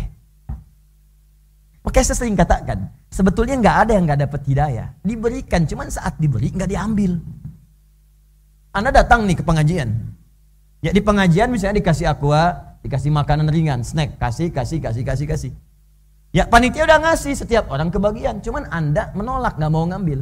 Tiba-tiba di jalan misalnya dehidrasi karena nggak sarapan juga lapar, pingsan. Ketika pingsan itu yang salah panitia atau Anda yang ngambil? Bukan panitia yang salah. Allah memberikan bentangan hidayah seperti sinyal di telepon kita. Terbentang semuanya, tinggal kita aja mau ngambil apa enggak. Kita harus jujur, bukankah Anda saat menerima telepon sinyalnya kurang Anda sampai keluar nyari sinyal? Kan? Di sini sinyalnya kurang nih, entar aku keluar dulu, keluar nyari sinyal Anda bayangkan. Di sana bilang, kenapa ente nggak beli telepon dengan sinyalnya? Oh, nggak nggak dijual. Ya keluar, nyari, nyari, nyari, ya kan? Supaya mendapatkan sinyal. Nah, ayat itu dipancarkan oleh Allah. Dipancarkan. Quran surah ke-29 ayat 69. Walladzina jahadu fina lanahdiyannahum subulana. Orang-orang yang mau bergerak mengambil hidayah kami. Berjuang, mencari, mengambil, mengambil, mengambil. Kalau dia mau ambil, saya tunjukkan jalan-jalan yang lebih terbuka, kata Allah. Cara berpikirnya begitu. Jadi nanti kalau kita bahas ayat selanjutnya, ini maksud saya, Anda menemukan perintah dari Allah. Misal, jauhi zina, kerjakan sholat, pandang begini, dengar begini, katakan ini, melangkah seperti ini. Semua perintah dan larangan yang tersebut di surat ini adalah wasilah untuk mengantarkan pada apa yang kita inginkan dari kebahagiaan dan kesuksesan itu. Paham cara berpikirnya? Jadi kalau sudah begitu nggak akan jadi beban. Dan nggak akan buat aturan lain. Ini kata Allah, zina begini, eh bikin yang lain, yang gini nggak zina. Ya repot kayak gitu.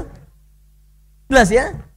Kata Allah, sudah, ya ini dilarang. Ya antum jangan halalkan, yang halal halal, yang haram haram. Jadi kalau ditukar nggak akan dapat yang diharapkan tadi. Mungkin terlihatnya sederhana. Di depan tuh kelihatan indah, Fata Morgana kan begitu. Kelihatan seperti oase, begitu dikejar nggak ada. Ya kan? Kelihatannya seperti indah dari jauh, begitu dikejar nggak ada, cuman bayangan aja. Sama, maksiat juga begitu. Kelihatannya besar. Oh, ini proyeknya besar, nilainya besar di awal-awal. Begitu udah dapat, tangkap KPK, udah penyesalannya dalam. Paham? Baik. Teruskan. Waqala al-Bukhari, al-Imam al-Bukhari pernah menyampaikan. Al-Imam al-Bukhari saya pernah katakan nama aslinya Muhammad. Ya, siapa nama aslinya? Muhammad. Bapaknya namanya Ismail kakeknya Ibrahim. Nah, ini ini masya Allah ini ini boleh bu. Ini namanya tafaul bu. Tafaul ya. Teman-teman namanya apa? Tafaul. Tafaul itu memberikan nama pada anak, nama dengan orang-orang soleh atau para nabi sebelumnya. Supaya kita berharap doa di nabi itu mengantarkan anak ini punya perilaku yang meneladani orang soleh atau para nabi tadi. Ya, diboleh tafaul namanya. Misal, saya pengen anak saya misalnya uh, seindah Nabi Yusuf dalam aktivitasnya ya. Dalam perilakunya. Maka namanya saya misalnya sekuat Nabi Musa. Namanya dengan Musa. Saya pengen anak saya misalnya selembut Nabi Yahya maka namanya dengan Yahya. Nah, Buya Yahya lembut kan? Nah, lembut ya namanya dengan itu. Ah, saya pengen yang paling mencakup sifat-sifat kebaikan. Maka saya namai anak saya mengikuti tafaul kepada Nabi Muhammad SAW. Namanya dengan Muhammad. Ini Al-Bukhari ini menarik nih. Namanya Muhammad, bapaknya Ismail. Bukankah kakek Nabi Muhammad yang ke-29 Nabi Ismail? Bukankah bapaknya Nabi Ismail Ibrahim? Ini unik nih Bu, Pak. Ini Masya Allah ini direncanakan apa memang seketika gitu kan? Kakeknya Ibrahim, punya anak Ismail. Ismail punya anak Muhammad. Bukankah Muhammad ke Ismail ke Ibrahim satu turunan? Ya, coba deh kita ingat-ingat lagi. Masih ingat? Muhammad sallallahu alaihi wasallam bin Abdullah bin Abdul Muttalib bin Hashim bin Abdul Manaf bin Qusay bin Murrah bin Kilab bin Ka'ab bin Ghalib bin Fihir bin Malik bin Nadar bin Kinana bin Khuzaimah bin Mudrika bin Ilyas bin Nizar bin Mudar bin Ma'ad bin Adnan bin Adri bin Adri bin Muqawwam bin Nagur bin Tarih bin Ya'rub bin Yasjub bin Nabit bin Ismail alaihissalam bin Ibrahim alaihissalam ayo ulangi. Ya. Nah. Nyambung. Muhammad, Ismail, Ibrahim. Makanya itu mendapat keutamaannya semua. Ya, Ibrahim dengan sifat ketegarannya tegar. Begitu ayahnya meninggal, eh, Al-Bukhari kan meninggal ayahnya. Ya, dalam usia kurang lebih 4 2 eh, tahun. 2 tahun meninggal, 4 tahun matanya buta. Al-Bukhari. Ya, kemudian Ismail itu kepatuhannya kepada orang tua tinggi. Bukankah Ismail itu dengan ibundanya Hajar berjuang kan? Di begitu bapaknya meninggal, Al-Bukhari kecil dengan ibundanya sehingga peran bu ibundanya. Tapi sifat ibunya pun itu meniru Sayyidah Hajar. Nggak kecewa, nggak ada tuh kecewa. Kalau Allah sudah tetapkan saya berada di sini, walaupun ditinggalkan oleh suami Ibrahim alaihissalam, kalau Allah yang perintahkan, pasti Allah nggak akan sia-siakan. Maka semua pikiran buruk dibuang, yang baik-baik dimunculkan. Membuang yang buruk, sehingga yang baik yang muncul disebut tasfiyah. Kalau itu dilakukan, muncul baiknya disebut sofa. Maka naiklah ke sebuah bukit dengan pemikiran yang jernih. Allah nggak mungkin sia-siakan saya. Maka bukit itu disebut dengan bukit sofa namanya. Jelas? Makanya kalau ada sesuatu terjadi, prasangka baik dulu pada Allah. Keluarkan, keluarkan, keluarkan. Nah, ini single parent. Anak saya, suami sudah nggak ada meninggal, anak kemudian buta, nggak ada yang sia-sia. Allah pasti berikan yang terbaik. Dia ingat pesan suaminya, anak kita mesti menjadi warisan para ulama, warisan para nabi. Titipkan. Jadikan dia seorang berilmu. Jadikan dia orang dekat dengan Allah. Maka disiapkan, dikirimkan kemudian dengan doa-doa. Ya Allah jadikan dia walaupun mata tak melihat hatinya terbuka. Apa gantinya? Mata tak melihat tapi hatinya begitu tajam. Setiap disebutkan satu bacaan itu seketika sampai dalam jiwanya tanpa diulang kedua kalinya. Titik komanya sama. Sampai titik komanya. Itu Al-Bukhari kecil. Jadi kalau dibacakan bukan satu huruf ya. Nih, satu lembar. Bacakan sekali, diulang seketika. Sekali diulang. Maka dikirimkan kemudian ke sekolah, kutab lah kalau e, dulu itu. Masuk belajar, dengan syekhnya dibacakan dengan surah Qaf pada saat itu. Begitu dibacakan, syekhnya cuma nguji aja. Tuan Hafiz, siapa yang sudah hafal kata syekhnya? Tiba-tiba anak ini usia 4 tahun yang paling kecil di halakah itu angkat tangannya. Hafiz tu ala zahri qalbi syekh. Saya sudah hafal dalam jiwa saya, hafal dalam kepala. Itu kalimat yang benar. Bukan hafal di luar kepala. Kalau di luar kepala masih di luar, belum masuk. Ya, hafal dalam kepala saya. Coba bacakan iqra. Ta'al ya bunai maju, maju nuntun raba-raba. Ke depan suruh baca. Begitu dibaca, bacaannya, makhrajnya, sifat hurufnya sama persis dengan syekhnya. Maka syekhnya fata'ajaba syaikhu maka kagum syekhnya dengan beliau kemudian mendoakannya dan mengatakan minal an tadrusul hadis. Mulai sekarang anda belajar hadis karena beliau paham Quran itu mudah dimudahkan bagi Al-Bukhari kecil. Maka diminta hadis karena nggak ada jaminan kemudahan untuk hadis. Maka pulang kepada ibundanya, pulang berkata, "Ma, ma, ma tadi ada begini-begini." Ibunya senang. Maka kata anaknya, "Uridul hadis." Saya sekarang pengen belajar hadis. Kata ibundanya, "Ittafi bil Qur'an." Cukup dengan Quran dulu. Karena kamu ada keterbatasan. Kata anaknya, la uridul hadis. Tidak, saya pengen belajar hadis. Karena dia yakin dengan amanah gurunya. Gurunya ini kalau ngarahkan, ini insya Allah benar. Orang tua ditaati, guru pun dipatuhi. Saya pengen hadis bah. Hadis katanya. Maka merabak jalan masuk ke kamar, ibundanya melihat, terenyuh hatinya, ibundanya masuk ke dalam kamarnya, hamparkan sejadah, sholat, kemudian berdoa kepada Allah. Dalam doanya lelah sampai lelah menangis mohon kepada Allah, kalimatnya sangat populer. Yal basir, yalladhi ala kulli syai'in qadir, a'id basirat tabni. Yal basir, yalladhi ala kulli syai'in qadir. Hai Allah yang maha melihat. Jadi kalau anda ingin minta, sebut nama Allah sesuai hajat kita. Namanya Al-Asma'ul Husna. Dalilnya Quran surah 17 ayat 110. Qulid Allah awid ar-Rahmana ayyamma tad'u falahul asma'ul husna. Ya. ya. Kemudian juga ada disebutkan di Quran surah ke-7 ayat 180 ya walillahil asmaul husna fad'uuhu biha Allah punya nama-nama terbaik kalau anda punya kebutuhan cari nama yang sesuai dengan kebutuhan anda Pengen ilmu ya adim, pengen rizki ya razak. Ini pengen matanya, penglihatannya balik, maka disebut namanya ya basir. Ya Allah yang maha melihat, yang tidak punya batas dalam kuasamu. Karena kata medis ini terbatas gak bisa lihat. Kata klinis buta permanen. Engkau tak punya batas dalam pemberianmu untuk penglihatan. Maka mohon ya Allah kembalikan penglihatan anakku. Itu sampai kemudian capek, lelah tertidur. Dalam tidurnya bermimpi bertemu Nabi Ibrahim alaihissalam. Disampaikan, hey, anakmu akan melihat lagi. Gitu. Nah saat itu sedang membacakan tadi tertidur, bermimpi, Al-Bukhari kecil mengulang surat Qaf tadi sampai ayat 22. Lihat, lihat, lihat. Ini indah sekali. Jadi ada korelasi. Jadi kalau ibunya dengan anak itu nyambung, ayah dengan anak nyambung, ya ada roh roh yang satu kemistri, satu jaringan, rohun mujannada. Ya, kalau dalam bahasa ungkapan orang Arab demikian. Jadi roh satu dengan yang lainnya itu akan akrab kalau dia memang terbiasa beramal soleh demikian. Anak dengan ibu punya perasaan, tapi kalau amalannya benar, itu amalan itu akan saling menjaga. Ibu berdoa minta anak dikembalikan penglihatan, anak mengulang hafalan. Begitu sampai di ayat 22, Quran surah Qaf tadi, surah 50 ayat 22, perhatikan kalimatnya. Laqad kunta ya fi ghaflatin min hadha fakashafna anka ghita'aka fabasaruka al-yawma hadid. Laqad kunta fi ghaflatin min hadha. Sungguh engkau sebelumnya enggak bisa ngelihat. Ya. Fakashafna anka ghita'aka, maka kami buka kemudian penutup di matamu itu yang membuat kamu enggak bisa lihat. Hadid, maka mulai hari ini pandanganmu akan menatap dengan tajam. Sebetulnya ayat ini bicara tentang kondisi hari kiamat. Yang nggak nampak surga neraka segalanya. nggak nampak pada kita. Maka dibuka hijabnya terlihat semua.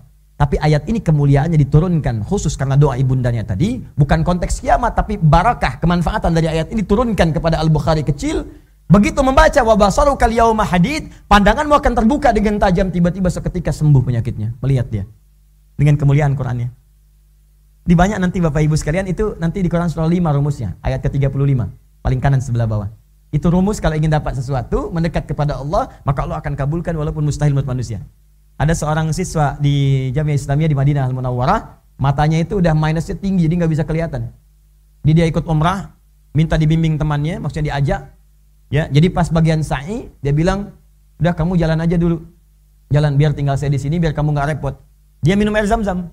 Begitu minum, dia ngadap ke kiblat, minum kan doa zam-zam itu selesai dari Nabi, tuntas. Ma'u zam-zam lima syuribala. Air zam-zam itu saat diminum berdoa sesuai dengan yang diniatkan. Maka Allah akan mengabulkan dengan wasilah doa itu. Bukan airnya, wasilah doa itu. Dengan keyakinannya. Begitu dia minum, selesai, dia ambil airnya, dia usapkan ke matanya. Ya Allah, saya pengen lihat lagi, pengen lihat lagi. Tiba-tiba terbuka. Ya, terbuka. Apa yang terbuka? Loh kok jelas katanya. Dipakai kacamata jadi buram. Padahal yang tadinya nggak bisa lihat, pakai bantuan kacamata jelas. Ini tidak dipakai buram, dibuka, lihat lagi jelas. Dia teriak, Allahu Akbar, Allahu Akbar, Allahu Akbar. Saya lihat Allahu Akbar. Ada orang Mesir, ini viral juga di YouTube, viral. Yang orang Mesir, yang tadinya nggak lihat, sujud menghadap kiblat, minta sama Allah. Begitu sujud bangun ngelihat lagi. Sampai askarnya, ini ada apa, ada apa? Ternyata bisa melihat, dipeluk semua askar. Ya Allah, saya bisa lihat lagi, ya Allah, saya bisa lihat lagi. Masya Allah. Makanya kalau sedang di tanah suci, dia tuh minta yang baik, yang benar dari hati kita. Jangan cuma asal keluar aja, minta yang khusyuk. Itu doa di Quran surah ke-7 ayat 205. Minta yang khusyuk, berharap yang penuh, terus dekatkan diri kita dengan Allah. Maka saat bermimpi tadi ada, Al-Bukhari mengulang hafalan tadi, pas bertemu di satu hal yang sama. Tiba-tiba melihat. Kaget, lompat, dikejar ibunya. Umi, umi, umi, umi lah keraid. Ma, saya bisa lihat lagi, mama, mama. Kaget ibunya bangun. Begitu bangun kata ibunya akan tak percaya. Kata ibunya, rupa mara'aita biqalbik ya bunai. Mungkin anakku engkau melihat dengan hatimu. Lala bal ini saya dengan mata saya saya melihat. Ini ibu kan pakai baju ini, samping kita ada benda-benda ini disebutkan. Maka keduanya berpelukan, masya Allah. Dari peristiwa itulah kemudian serius belajar hadis sampai menyelesaikan Sahih Al Bukhari 16 tahun. Ditulis di Mekah, disempurnakan di Madinah. Itulah Al Bukhari. Ini kisah ini ditemukan nanti di jilid pertama dari 16 jilid. Nama kitabnya Fathul Bari. Fi Syarah Sahih Al Bukhari karangan Ibnu Hajar Al Asqalani. Ya jilid pertama yang mukaddimah. Kalau anda punya itu ada yang warna orange tuh, terjemahan Indonesia ada. Jadi halaman 631 sampai 634. Ya paling kiri sebelah agak ke bawah sedikit. Di situ dijelaskan, ya. Dan versinya jelas. Jadi silahkan. Makanya kalau baca sesuatu, tuntaskan dari awal sampai akhir. Supaya nanti ada kebagian-bagian yang lain yang bisa kita dapatkan. Ya, paham di sini? Baik. Nah, uh, Waqala al-Bukhari, maka berkata Imam al-Bukhari menunjuk pada nama daerahnya. Nama aslinya tadi siapa? Muhammad. Bapaknya Ismail. Kakeknya Ibrahim. Kakek buyutnya Al-Mughirah. Yang buyutnya Al-Bardizbah. Tinggal di mana? Kecamatan Ju'fa. Di mana? Kabupaten Bukhara. Di mana? Provinsi Khurasan. Negaranya sekarang Uzbekistan. Karena berasal dari Bukhara, maka ingin diperkenalkan saya dari Bukhara. Allah berikan keutamaan, saya kenal Islam, maka tambah alif lam di depannya. Al-Bukha, ujungnya ganti dengan i. Al-Bukhari. Jelas ya? Saya dari Banten, Al-Bantani. Saya dari Bekasi, Al-Bekasi.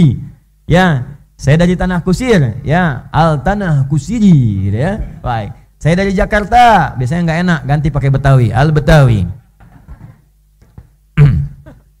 Wa man qara'a faradnaha yaqulu faradna 'alaikum wa 'ala man ba'dakum. Dah, tutup dulu sampai sini. Lihat sini. Kata Al Imam Al-Bukhari ketika Anda membaca ayat ini pada kalimat wa faradnaha sampai sini kata Al Imam Al-Bukhari perhatikan baik-baik maka ini berlaku saat ayat ini diturunkan dan tanpa batas dalam setiap masa sampai dengan kiamat tiba diturunkan pada Nabi Muhammad dan orang-orang setelahnya. Maksudnya gini, Allah turunkan surat ini kepada Nabi Muhammad SAW dan diberikan cahaya. Bukti paling gampang zaman Nabi kan jahiliyah sifatnya. Ya kan? Di tingkat keburukan pada titik terendah itu di zaman jahiliyah. Pencuri paling hebat jahiliyah. Pembegal paling profesional jahiliyah. Pezina paling hebat jahiliyah. Yang sekarang amatiran semua.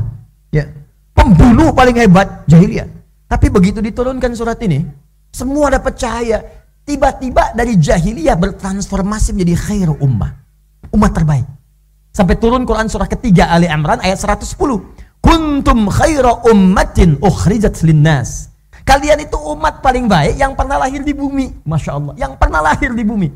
Yang tadinya titik terendah teman-teman berubah. Bisa sering katakan, hei kalau ada yang vonis Anda sejelek apa pun Anda masih bisa berubah. Karena ada orang yang pernah lebih buruk dibandingkan Anda. Dan dia jadi orang paling baik di muka bumi yang pernah diingat. Anda pernah mabuk?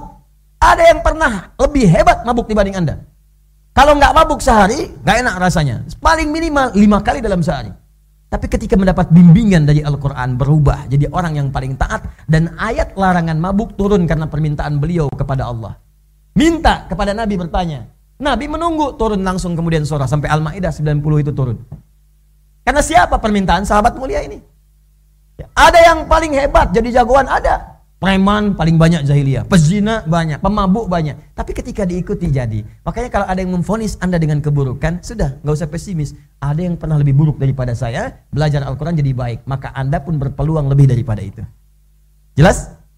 Maka kata Imam Al-Bukhari, surat ini diturunkan bukan ingin memuliakan umat di zaman Nabi Muhammad saja, tapi berlaku bagi orang-orang setelahnya yang ingin mendapatkan kemuliaan dia. Paham sampai sini? Oke. Kalau sudah paham, saya ambil satu kalimat di surat ini, kita bahas kedalaman sisi bahasanya dari kita 5 menit sampai 10 menit. Setelah itu saya buka untuk diskusi. Anda boleh bertanya apa yang ingin disampaikan. Nanti kita tutup kisaran di jam setengah 10 insya Allah. Kita ada waktu sekitar 20 menit lagi. Eh, maaf sampai jam berapa kita? Oh 11. Oh, baik baik. Gak apa-apa, gak apa, gak apa ya. Saya setengah 10 pulang, Anda jam 11. Bismillah. Yuk kita tulis. Siap ya, fokus ya. Ya, tarik nafas dulu, pelan-pelan. Yuk biar semangat, biar semangat, biar semangat, biar semangat. Ikhwan aja, akhwat nggak usah ikutan. Ikhwan, udah? Tangan diangkat begini, akhwat nggak usah ikutan. Ikhwan aja. Ini sudah? Kalau saya katakan hujan rintik-rintik, gini, dua, dah? Dan rintik-rintik, gini, hmm. dah. Dah, ada badai begini. Ada badai. Dah. Hujan rintik-rintik. Dah, ada badai. Angin bergelombang. Angin bergelombang. Sudah? Hujan rintik-rintik. Baik, ada badai. Dah. Dah, ada kiri, kiri, kiri, kiri, kiri, kiri, kiri, kiri. Kiri, kiri, kiri. Kiri sini kiri. Kiri. Hmm. Kiri, kiri. Dah. Rapi, rapi, rapi, sab sholat. Dah, sudah? Tangan ke depan, tangan ke depan. Hujan rintik-rintik. Nah, ada badai. Nah, oke, okay. angin bergelombang. Oh, angin bergelombang. Hujan rintik-rintik. Ada badai. Dah, dah ada sini. Ya. Hadap kanan. Hadap kanan.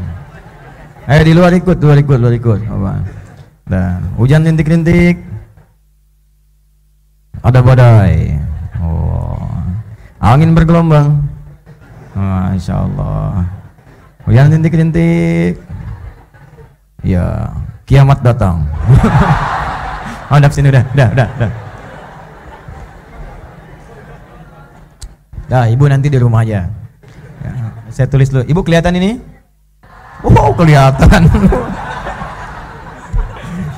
ibu mendapatkan cahaya iman yang sangat tinggi. Belum saya tulis sudah kelihatan. Dah, sudah. Ayat pertama saya ambil satu lafaz saja suratun anzalnaha wa faradnaha. Suratun. Saya masuk ke kalimat ini dulu. Suratun. Ya. Sudah? Suratun anzalnaha wa faradnaha wa anzalna fiha ayatin bayyinatin la'allakum tadhakkarun. Saya mulai dari sini dulu. Suratun kalau diterjemahkan artinya satu surah. Kalau satu surah berarti mencakup seluruh ayatnya tanpa kecuali. Jelas? Kalau Al-Fatihah 7 ayat, Al-Baqarah 286 ayat. Jadi semua ayatnya tanpa kecuali. Jadi Allah turunkan surah An-Nur ini satu surah tanpa kecuali yang ingin memberikan gambaran-gambaran kepada kita tentang bimbingan menjalani kehidupan supaya mendapatkan cahaya Allah Subhanahu wa taala. Di ketika Allah mengatakan satu surah, berarti kemuliaan surah An-Nur ini mencakup seluruh ayatnya, jangan dipisahkan. Ingat ya? Semua ayatnya, semua kalimatnya semua hurufnya itu punya cahaya untuk membimbing kita dalam hidup. Jelas? Surah ini itu seakar dengan kata su'run asalnya. Ada yang menyebut dari kata su'run. Surun atau su'run. Di antara maknanya pagar, pembatas. Pagar, pembatas. Jelas? Kalau kita ingin jadikan sifat dalam ilmu bahasa Arab, salah satunya tambah dengan tak di ujungnya. Tak. Tak, ya. Nah, ini seperti ini, tak. Di fungsi tak itu bisa dua. Satu menunjuk pada gender, untuk pada perempuan. Jadi kalau ingin menunjuk pada perempuan, mu'annas sifatnya yang khusus spesifik gender ke perempuan, maka tambahkan tak di ujungnya untuk membedakan dengan laki-laki. Misal, muslim laki-laki, jika kita ingin katakan perempuan, maka tambahkan tak di ujungnya. Jadi muslimah. Muslimatun, unnya hilang, muslimah. Jadi kalau dalam bahasa Arab itu gampang, harokat akhir nggak usah dibaca. An in un simpan. Tinggal matikan dengan sukun. Ya, muslimah ah walaupun akhirannya un. Sama ngaji juga begitu, harokat akhirnya a nggak dibaca jadi sukun. Alhamdulillahi rabbil alamin. Akhirnya kan a kan? Nggak pernah ada imam sehebat apa pun hafal kiraat 10 dibaca yang mustahil kalau wakaf. Alhamdulillahi Rabbil Alamin. Pasti in, pasti mati. Makanya jangan takut kalau baca bahasa Arab, baca aja ujungnya matikan. Baca. Ba, ya, ta. Baca. Bait. Walaupun tulisannya un ini, un. Gak usah dibaca. Bait, matikan aja. At, mati. Awalnya, baca dengan satu di antara tiga. Tiga itu singkatannya ayu. A, I, atau U. Jadi kalau ada tulisan Arab, baca aja yang pede. Kalau enggak A, I pasti U. Jelas ya? Depannya kalau enggak A, I pasti U. Rumusnya gini, saya sedang menyempurnakan buku Kuantum Arabik, nanti rumus cepat belajar bahasa Arab. Rumus cepatnya hidup ayu mati syahdu. Hidup ayu, hidup baca harakat pertama dengan hidup. A, ayu kalau enggak A, I pasti U. Mati syahdu, matikan harakat ujungnya dengan syahdu. Syahdu itu sukun. Sukun itu bahasa terjemahan tenang, syahdu. Tenang, matikan dengan sukun ujungnya. Selesai. Kita juga punya feeling, begitu dibaca baitun pasti antara A dengan I kan? Kalau nggak baca bait, bit. Orang Arab pasti kenal, tahu maksudnya ke mana. Nanti dia jelaskan, oh bait, bit. Bahasa dialeknya, slangnya, bit, bait dibaca benarnya, fasihnya. Dan mustahil ada orang baca bu. Mustahil karena depannya ada ya. Tapi kayaknya Bu Yeti deh Ustaz. Dah, dah. Ya, tambahkan tak di ujungnya. Jadi di ujungnya. Jadi muslim jadi apa? Muslimah. Ya, mukmin jadi mukminah. Soim. Nah, ya. Nah, ini untuk gender. Nah, ini untuk menunjuk pada perempuan. Uh, kemudian yang kedua ada menunjuk sifat. Sifat. Jadi sifat-sifat yang ingin diikuti. Sifat-sifat yang ingin ditiru. Sifat-sifat yang ingin berlaku. Tambahkan tak di ujung. Ya misal, ini ada ormas namanya Muhammadiyah. Ada ya? Ahmad Dahlan. Masanya Muhammad Darwish. Jadi berguru nanti ke Kiai Haji Syekh Ahmad Khatib Al-Minangkabawi di Mekah, balik ke Nusantara, ya kemudian ganti nama Muhammad Darwish jadi Ahmad Dahlan. Bin Kiai Haji Abu Bakar, bin Kiai Ilyas, bin Kiai Sulaiman, bin Demang Jurang Juru Kapindo, bin Demang Jurang Juru Sapisan, bin Kiai Gerbek, bin Maulana Ishaq keturunan dari Ali Zainal Al-Kabir, Ali Zainal Abidin, keturunan dari Al-Husain, Al-Husain adik Al-Hasan, Al-Hasan anaknya Ali bin Abi Thalib, suaminya Fatimah Az-Zahra bintu Rasulullah sallallahu alaihi wasallam. Ya. Ya, Muhammad makanya bikin persyarikatan Muhammad dari nama datuknya. I-nya nisbah dinisbatkan kepada Nabi Muhammad SAW. Taknya sifatnya. Jadi semua yang masuk persyarikatan ini saya harap mengikuti sifat-sifat Nabi Muhammad SAW. Itu maksudnya. Jelas ya? Nah, su'run surun. Dibaca surun dalam beberapa kalimat orang Arab dibacanya lewat. Sur ya. Surun. Pagar. Ya ditambah tak di sifatnya. Berarti yang dibicarakan bukan pagarnya tapi sifatnya. Jelas ya? Apa fungsi pagar itu? Bukankah membatasi kan? Anda punya rumah ada pagarnya. Ini rumah anda ada pagarnya. Untuk membatasi mana wilayah anda mana wilayah yang bukan punya anda. Ada fasum di depan ada jalan fasilitas umum. Untuk membedakan punya Anda dengan umum kasih pagar. Ya kan? Maka yang pertama kenapa surah disebut dengan surah? Kata para pakar Al-Quran untuk memberikan batas mana yang bagian ayat di surat ini dengan mana bagian ayat di surat yang lainnya. Maka disebutlah surah Al-Baqarah sampai ayat 286. Lalu setelahnya surah Ali Imran supaya jadi pagar Al-Baqarah tidak disebut Ali Imran, Ali Imran tidak disebut Al-Baqarah. Jelas sampai sini?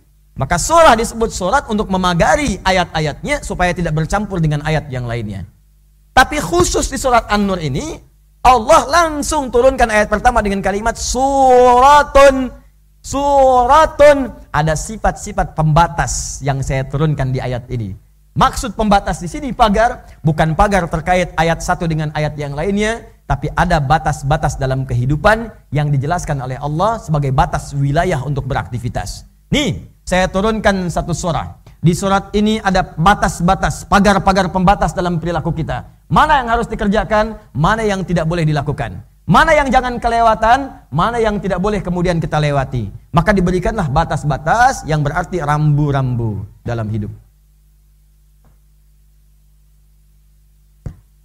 Kalau kita terangkan dengan kalimat tafsir begini, suratun anzalnaha. Sekarang aku akan turunkan rambu-rambu kehidupan batas-batas hidup yang jika Anda ikuti batas itu maka Anda akan dapatkan cahaya dalam kehidupan Anda.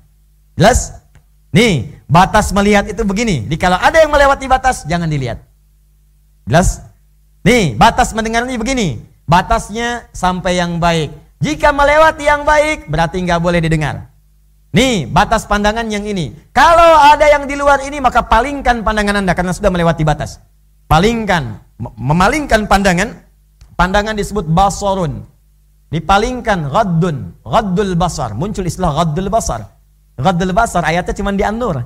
Di Quran surah ke-24 ayat 30 untuk laki-laki, 31 untuk perempuan. Nanti saat masuk ke ayat itu, Qul lil mu'minina yaghuddu min absarihim. Katakan pada pria-pria beriman ada batas pandangan. Jika batas ini terlewati, palingkan. Wa qul lil mu'minati yaghuddna min absarihinna. Katakan pada perempuan-perempuan yang beriman, ada batas pandangan. Jika melewati batas ini, palingkan. Bagaimana cara memalingkannya? Nanti saat masuk ayatnya. Jelas? Ada batas-batas pikiran. Hafiz, hati-hati. Kalau pikiran sudah masuk ke sini, jauhi. Awas, pikiran itu sulit dikontrol. Kalau mata, bisa kita kuasai. Telinga, mudah kita arahkan. Pikiran itu kadang-kadang muncul dengan sendirinya. Bisa jadi hayalan, bisa jadi cita-cita, bisa jadi harapan, bisa jadi lamunan, bisa jadi permainan setan. Setan kalau sudah masuk kepada hayalan yang buruk, maka di situlah puncak keburukan akan tiba. Dan keburukan itu akan direncanakan. Masuk ke masjid, kan? Lihat sepatu bagus, uh, gimana kalau bisa dapat sepatu itu? Setan masuk, gampang, gak usah kerja. Dia takbir pertama, ente mundur, ambil. Jelas ya? Oke, nanti kita akan masuk ke situ. Jelas sampai sini? Maka surah di sini bisa diartikan satu surah keseluruhan An-Nur dengan makna lafzinya atau maknawinya. Yang dimaksud adalah pengertian jauhnya secara maknawi di ilmu balaghah namanya ya. Maka kalau kita baca pakai ilmu balaghah maka terjemahannya suratun. Aku turunkan satu surah yang akan jadi rambu-rambu dalam kehidupan. Jika kalian mempraktikkan ini maka aku akan berikan cahaya kepada kalian dalam hidup. Sampai cahaya itu kalian bawa menghadap kepada Allah Subhanahu wa taala. Jelas sampai sini baik masih ada waktu masih kenapa lemas begitu masih Takut habis. Anzalnaha. Baik. Anzalnaha. Ada anzala, ada nazzala. Beda. Beda. Buka Quran surah ketiga. Ayat ketiga. Ali Imran ayat tiga. Ali Imran ayat yang ketiga. Ya saya bantu baca dari awal supaya ketahuan. Alif Lam Mim Allahu la ilaha illa huwal hayyul qayyum Ayat 3 sekarang Nazzala alaikal kitaba bil haqq musaddiqan lima baina wa anzalat tawrata wal Perhatikan ketika menyebutkan Al-Qur'an menggunakan nazzala rinciannya tapi setelah itu pakai anzala untuk Taurat dan Injil. Kenapa Allah tidak mengatakan misalnya anzala alaikal kitaba bil haqqi musaddiqan lima baina yadayhi wa nazzala Taurat wal Injil. Kenapa tidak mengatakan itu? Kenapa untuk Taurat dan Injil pakai anzala? Kenapa Al-Quran pakai nazzala? Dan kenapa di ayat ini surah An-Nur menggunakan anzala? Anzalna Kenapa menggunakan na? Na itu singkatan dari nahnu, kami. Kok kami? Allah kan esa, ahad, tunggal. Kenapa menggunakan kami di sini? Haknya jelas kembali kepada surah. Domir, kata ganti. Pertanyaannya, kenapa Allah gunakan anzala dan kenapa menggunakan kata ganti na kami daripada kata ganti tunggal saya? Bagaimana memahami itu? Itu akan kita bahas di pertemuan kita selanjutnya bulan depan insya Allah. Baik, pelan-pelan dulu, pelan-pelan, pelan-pelan supaya mudah diamalkan ya, supaya mudah diamalkan. Baik. Saya jawab ini dulu.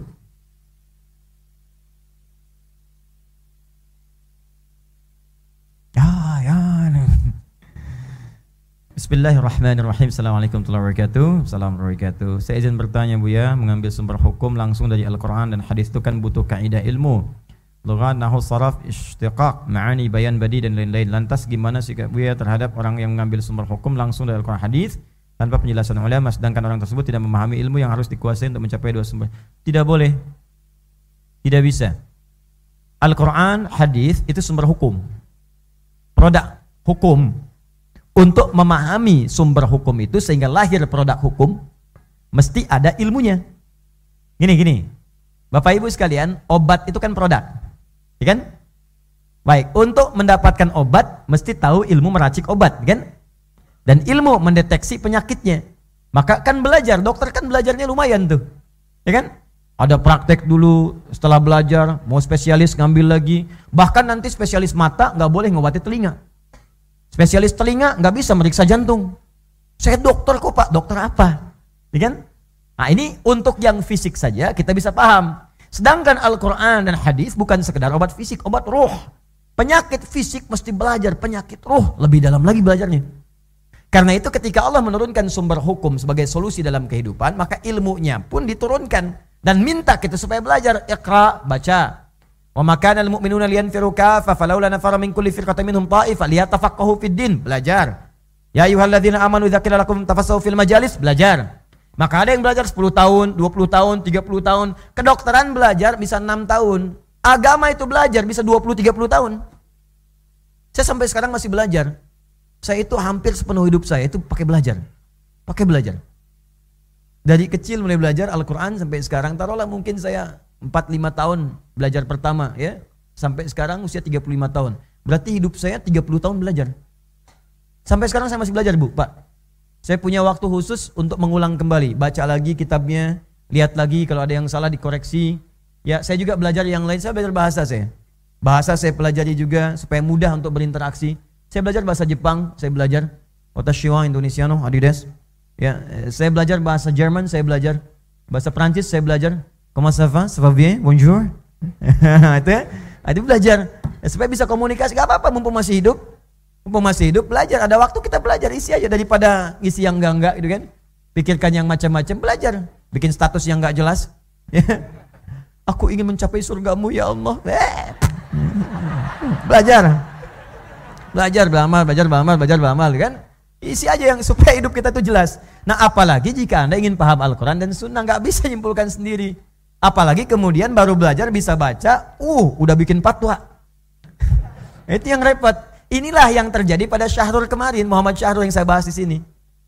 Itu kan nggak ada gurunya bu, pak. Nggak ada guru arsitek, baca Quran, baca hadis, gaul dengan orientalis, tiba-tiba punya pandangan hukum, bikin fatwa. Hubungan seksual di luar nikah, oh, halal hukumnya. Oh, itu kalau Abu Jahal masih hidup, kaget tuh Abu Jahal. Beneran. Beneran. Kalau yang mungkin gak kaget gitu. Abu Jahal kaget.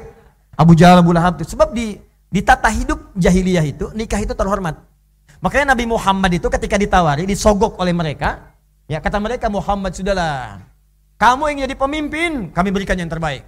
Kamu ingin perempuan paling cantik yang kamu ingin miliki, kami fasilitasi untuk pernikahanmu. Bahasanya kami nikahkan, bukan kami bookingkan. Kami nikahkan. Di nikah itu, itu sistem hukum terhormat di jahiliyah. Untuk pernikahan. Di orang yang berhubungan tidak menikah, itu celak di jahiliyah itu. Walaupun jadi keseharian. Itu amalan keseharian untuk menunjukkan sifat jahiliyah. Tapi itu aib di mata mereka. Cuman karena jahiliyah, itu dipraktekan. Yang terhormat itu nikah. Jelas ya? Ah, makanya kalau teman-teman kembali belajarnya benar, bersumber dengan cara yang benar, itu akan dapatkan kesimpulan yang benar.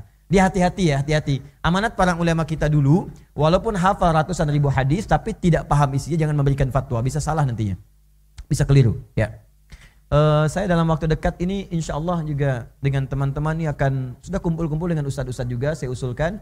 Alhamdulillah ada yang ingin membuat juga aplikasinya. Kita ingin membuat aplikasi untuk menerangkan ustadz atau sistem web jadi menerangkannya begini maksudnya, latar belakangnya, backgroundnya. Ini Ustadz ini ada berapa di daerah ini, di wilayah ini, di Indonesia pada umumnya. Backgroundnya apa? Ini ahli fikih, ini ahli tafsir, ini ahli hadis, kan? Ini ahli Quran. Jadi kalau Bapak Ibu ingin belajar, tinggal buka, klik. Tanah kusir, Ustadznya ada sekian, yang tafsir datang ke tafsir. Hadis datang ke hadis. Karena tidak semua Ustadz menguasai semua ilmu. Jelas ya? Baik. Ya, kalau susah bagaimana Ustadz? Bisa nggak ke Ustadz Google? Nah, Google juga nggak ada, nggak ada sanad ilmunya. Awas hati-hati, hati-hati. Saya saya bersabar aja dengan situasi sekarang karena saya anggap wajar biasa. Yang baru belajar kita hormati. Ya, yang semangat nggak apa-apa. Makanya kalau ada orang misalnya cepat menyalahkan atau apa, dipahami aja mungkin baru belajar. Jangan ikutan marah. Ya, saya nggak saya membiasakan diri diri untuk tidak mencela atau membiasakan marah tidak. Nggak apa-apa mungkin baru belajar. Ya, saya baru seumur-umur di Indonesia di Tripoli saya diminta memberikan fatwa. Ya, kemudian uh, apa jadi amin khutbah. Amin khutbah itu kayak ketua MUI lah kalau di kita gitu kan. Diboleh ngasih fatwa, boleh ngasih pertimbangan hukum. Uh, bahkan kalau ada orang mau khutbah itu teksnya dikerahkan lu ke saya untuk dicek. Dicek dulu dilihat baru boleh khutbah. Jadi saya yang tentukan untuk khutbah di Jamiah Dakwah Islamiyah. Boleh silahkan naik.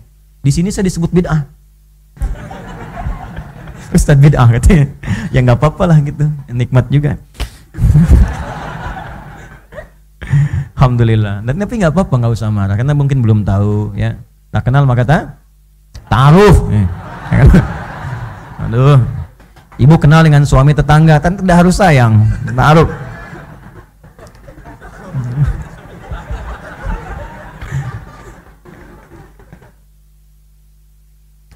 Afwan saya ingin bertanya bagaimana menurut Buya bagi orang-orang yang sering mengakhirkan sholat isya boleh kalau memang ditujukan untuk bisa menunaikan tahajud di malam harinya. Jadi mengakhirkan sholat isya itu satu rangkaian dengan tahajud. Ya, makanya sunnah itu boleh kalau anda ingin akhirkan. Akhirkan sholat isya ada dua biasanya. Satu kondisi pengajaran sedang mengajar. Kalau jamaahnya itu saja. Yang ikut jamaahnya itu misal anda sedang pengajian nih.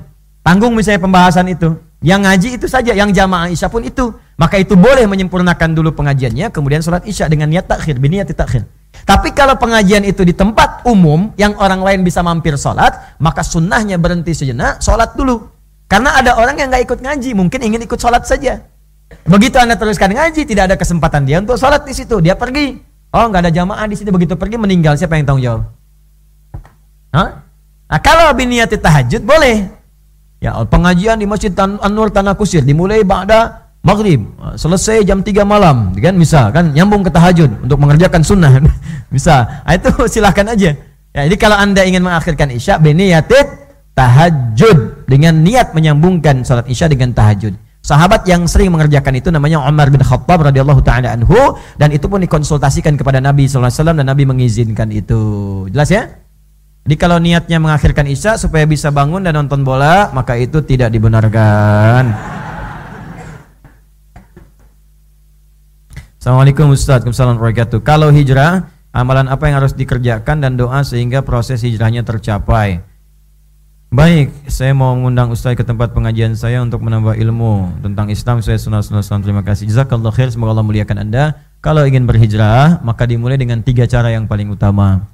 Yang pertama berdoa supaya Allah menguatkan niat hijrahnya karena untuk hijrah itu tidak mudah. Untuk berubah itu tidak mudah. Ya, para akhwat, saudari-saudari saya yang semoga dicintai oleh Allah, kan? Terus yang belum berhijab, ingin berhijab, ingin berjilbab, itu tidak mudah. Ya, yang paling tidak mudah itu melawan gejolak hati. Ya, kawas, awas jangan ikuti perkataan orang. Kalau orang itu nggak akan pernah selesai komentarnya. Anda nggak berhijab, dengan Anda berhijab pun dikomentarin juga. Ya, nggak berjilbab dikomentari. Ya, Anda belum berjilbab, dikomentari nih, wih bagus rambutnya nih, kalau berjilbab lebih bagus lagi. Begitu berjilbab, orang lain komentar lagi, eh, soleha sekarang, eh, masya Allah, nggak akan selesai komentar manusia itu. Jadi tempatkan satu aktivitas sesuai dengan ranah hukum yang benar. Ketentuannya apa? Kalau udah gitu istiqomah, selesai. Jelas ya? Dan pikirkan akibatnya, tadabur namanya aduh saya malu nanti kalau nggak berjilbab sekarang saat hidup. Karena saat wafat di antara kain kafan untuk perempuan itu ada jilbabnya. Itu beda kain kafan perempuan dengan laki-laki. Ya kalau perempuan wafat itu ada bagian helai kain kafan itu untuk kerudungan jilbab. Makanya jangan mau ya eh, saudari-saudari saya di mana pun berada jangan mau dijilbabin saat meninggal. Maksud kalimat saya itu maksudnya begini jangan mau pas meninggal baru jilbabin itu maksudnya itu maksudnya. Mulai saat hidup. Hidup berjilbab sehingga konsisten saat wafat pun dijilbabin. Kan jadi aneh. Hidup tidak berjilbab, wafat dijilbabin. Jangan bikin malaikat bingung. Nah. Kamu siapa? Sekarang berjilbab, cie-cie. Wah, capek itu, kasihan. Ya. Jangan bikin capek lah hidupnya. Itu pertimbangan aja. Malu sama orang, malu. Nanti kan roh itu akan merasakan. Apa enggak malu datang orang terus menjilbabi Anda saat meninggal, sedangkan rohnya kan merasa. Roh itu kan ada, dicabut kan melihat keadaannya. Siapa yang datang, siapa yang melayat, kuburan, siapa yang ucapkan salam dijawab dari situ. Apa enggak malu ketika nggak berjilbab tiba-tiba dipakein? Nangis Anda nanti dan sudah tidak ada waktu untuk kembali. Anda bermohon pada Allah, ya Allah, fa'asaddahu aku minas solin. Allah satu detik aja, ya Allah, satu detik untuk berjilbab. Gak bisa. Gak bisa. Kamu akan pulang. Sekarang selesai. Ya, jadi berdoa dulu supaya dikuatkan oleh Allah. Dengan doa itu nanti mantap hati. Kalau sudah mantap hati, yang kedua, cari guru untuk membimbing. Gurunya yang benar. Ya, kamu hijrah, pengen pahala paling besar enggak? Jian, bom tuh depan itu tuh. Wah, aduh udah. Nah, itu tinggalkan. Seperti itu jauhi. Ya, cari guru yang baik. Guru yang baik itu siapa? Cirinya gampang. Guru yang mengajak pada nilai keislaman yang benar. Islam itu damai, Islam itu tenang, Islam itu tentram, Islam itu baik. Itu kata dasarnya. Islam itu patuh, tunduk kepada Allah. Jadi ketika dia ngajak, yuk sholat belajar dengan baik, ya kasih ilmunya begini cara ilmu sholat yang baik. Yuk berbakti pada orang tua, gini caranya. Yuk bertetangga yang baik, yuk dengan teman-teman yang baik, yuk kemudian cari berkata yang tutur baik. Itu guru yang benar. Jangan sampai anda hijrah, belajar, pulang-pulang dari situ pandai mencaci, pandai mencela. Sekarang saya agak bingung ya, demi Allah saya katakan saya bingung sejak saya pulang ke Indonesia itu saya mencari celahnya di mana ini kok bisa orang belajar ngaji pulang-pulang sama istri suami ribut ada yang sampai pisah juga ini belajar apa gitu zaman Nabi dulu orang terpisah itu disatukan orang sekarang ada yang belajar pulang ke rumah jadi pisah dengan tetangga jadi ribut jadi nggak kenal tetangga aneh saya tetangga kok masa gitu Ya. Biasanya kan baik gitu. Ya. Nah, jadi eh, cari guru. Yang ketiga, buat prioritas amalan. Jangan lompat-lompat dulu. Buat prioritas dulu. Pelan-pelan aja, nikmati aja pelan-pelan. Toh orang Badu juga di hadis Muslim datang kepada Nabi, bahasanya ringan. Ya Rasulullah, bima makna alimni amalan basitan yudkhilul jannah. Ya Rasulullah, ajarkan padaku ilmu yang sederhana aja, yang penting saya masuk surga. Tuh, pintar kan? Modal dikit keuntungan pengen banyak. ya, di, ya apa yang sederhana aja ya Rasulullah, yang penting masuk surga. Maka ya Nabi diajarkan, sudah cukupkan dengan yang fardu, nih salat fardu. Gak usah kerjakan kecuali kalau pengen tatawu, illa ya, illa antatawa, kalau pengen sunnah. Nih zakat, kalau pengen sunnah infak. Apa kata orang ini? Ya Rasulullah, saya akan iltizam, komitmen dengan yang fardu. Saya nggak akan kerjakan yang sunnah. Kata Nabi, bahkan dia katakan saya akan jaga diri saya, maksudnya nggak bermaksiat. Jadi jaga maksiat, dia pergi konsisten dengan yang wajib aja, yang sunnah nggak pernah dia kerjakan. Terus fantolah kalau dia pergi, kata Nabi, aflaha in sadaqah. Audah halal jannah in sadaqah. Kalau benar komitmen dengan perkataannya masuk surga dia. Surga. Dia kerjakan yang fardu aja, sunnah nggak dikerjakan. Puasa sunnah nggak pernah. Sholat sunnah nggak pernah, tapi catatan hindari maksiat. Karena setiap bermaksiat pahala ditarik untuk menutup dosa. Orang ini kan tinggal di padang pasir. Kalau di padang pasir mau maksiat bagaimana? Eh, mau zina nggak ada yang dilihat, yang dilihat unta. Unta emang kan nggak pakai baju. Apa yang dilihat siapa? Yang dilihat unta, padang pasir lagi. Jadi maksiatnya tipis. Ente pengen ngikutin, mustahil. Karena kita tinggal di lingkungan seperti ini tiap hari maksiat kelihatan, terdengar. Giba di setiap tempat. Sekarang giba masuk ke rumah. Dikemas dengan kemasan yang bagus. Masuk ke TV, ada acara, ada ini, uh, dinikmati juga. Bahkan dihitung, kapannya jadwal acaranya. Eh. Cita-cita surga tapi dinikmati menikmati maksiat kan kan bahaya gitu. Jelas ya? Nah, jadi bikin prioritas sholat dulu. Sholat udah bagus, naik puasa. Ya, ilmunya diisi. Senin dulu. nggak apa-apa, biasanya nggak kuat. Sekuatnya dulu. Sampai zuhur buka. Terus ke asar. Nggak apa-apa bukan aib kok. Bukan aib gak ada masalah. Bukan aib. Bukan aib jangan dipaksain.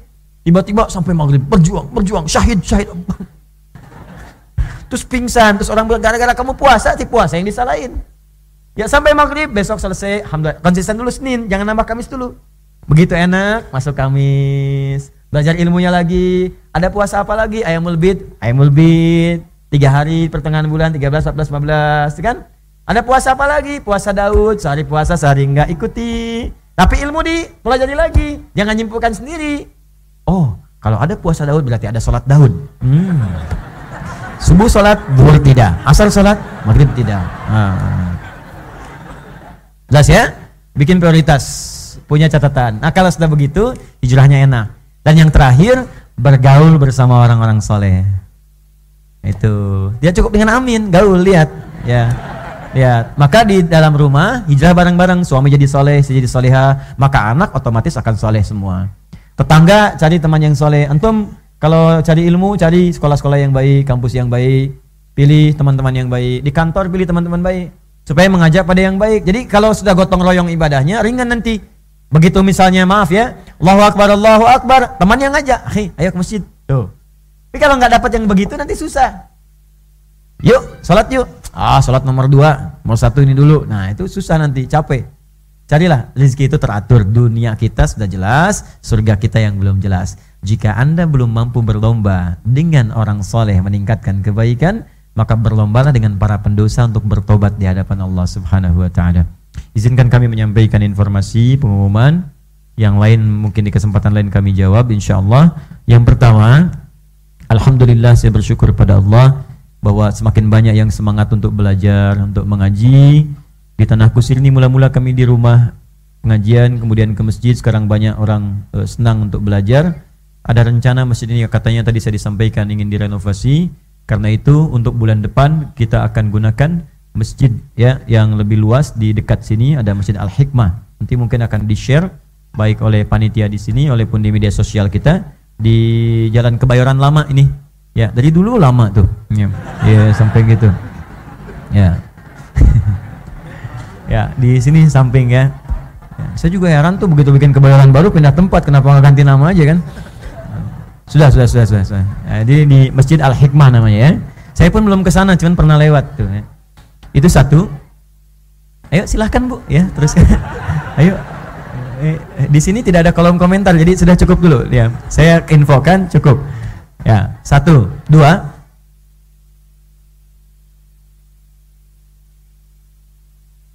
Ah, baik. Alhamdulillah. Yang kedua, ah iya.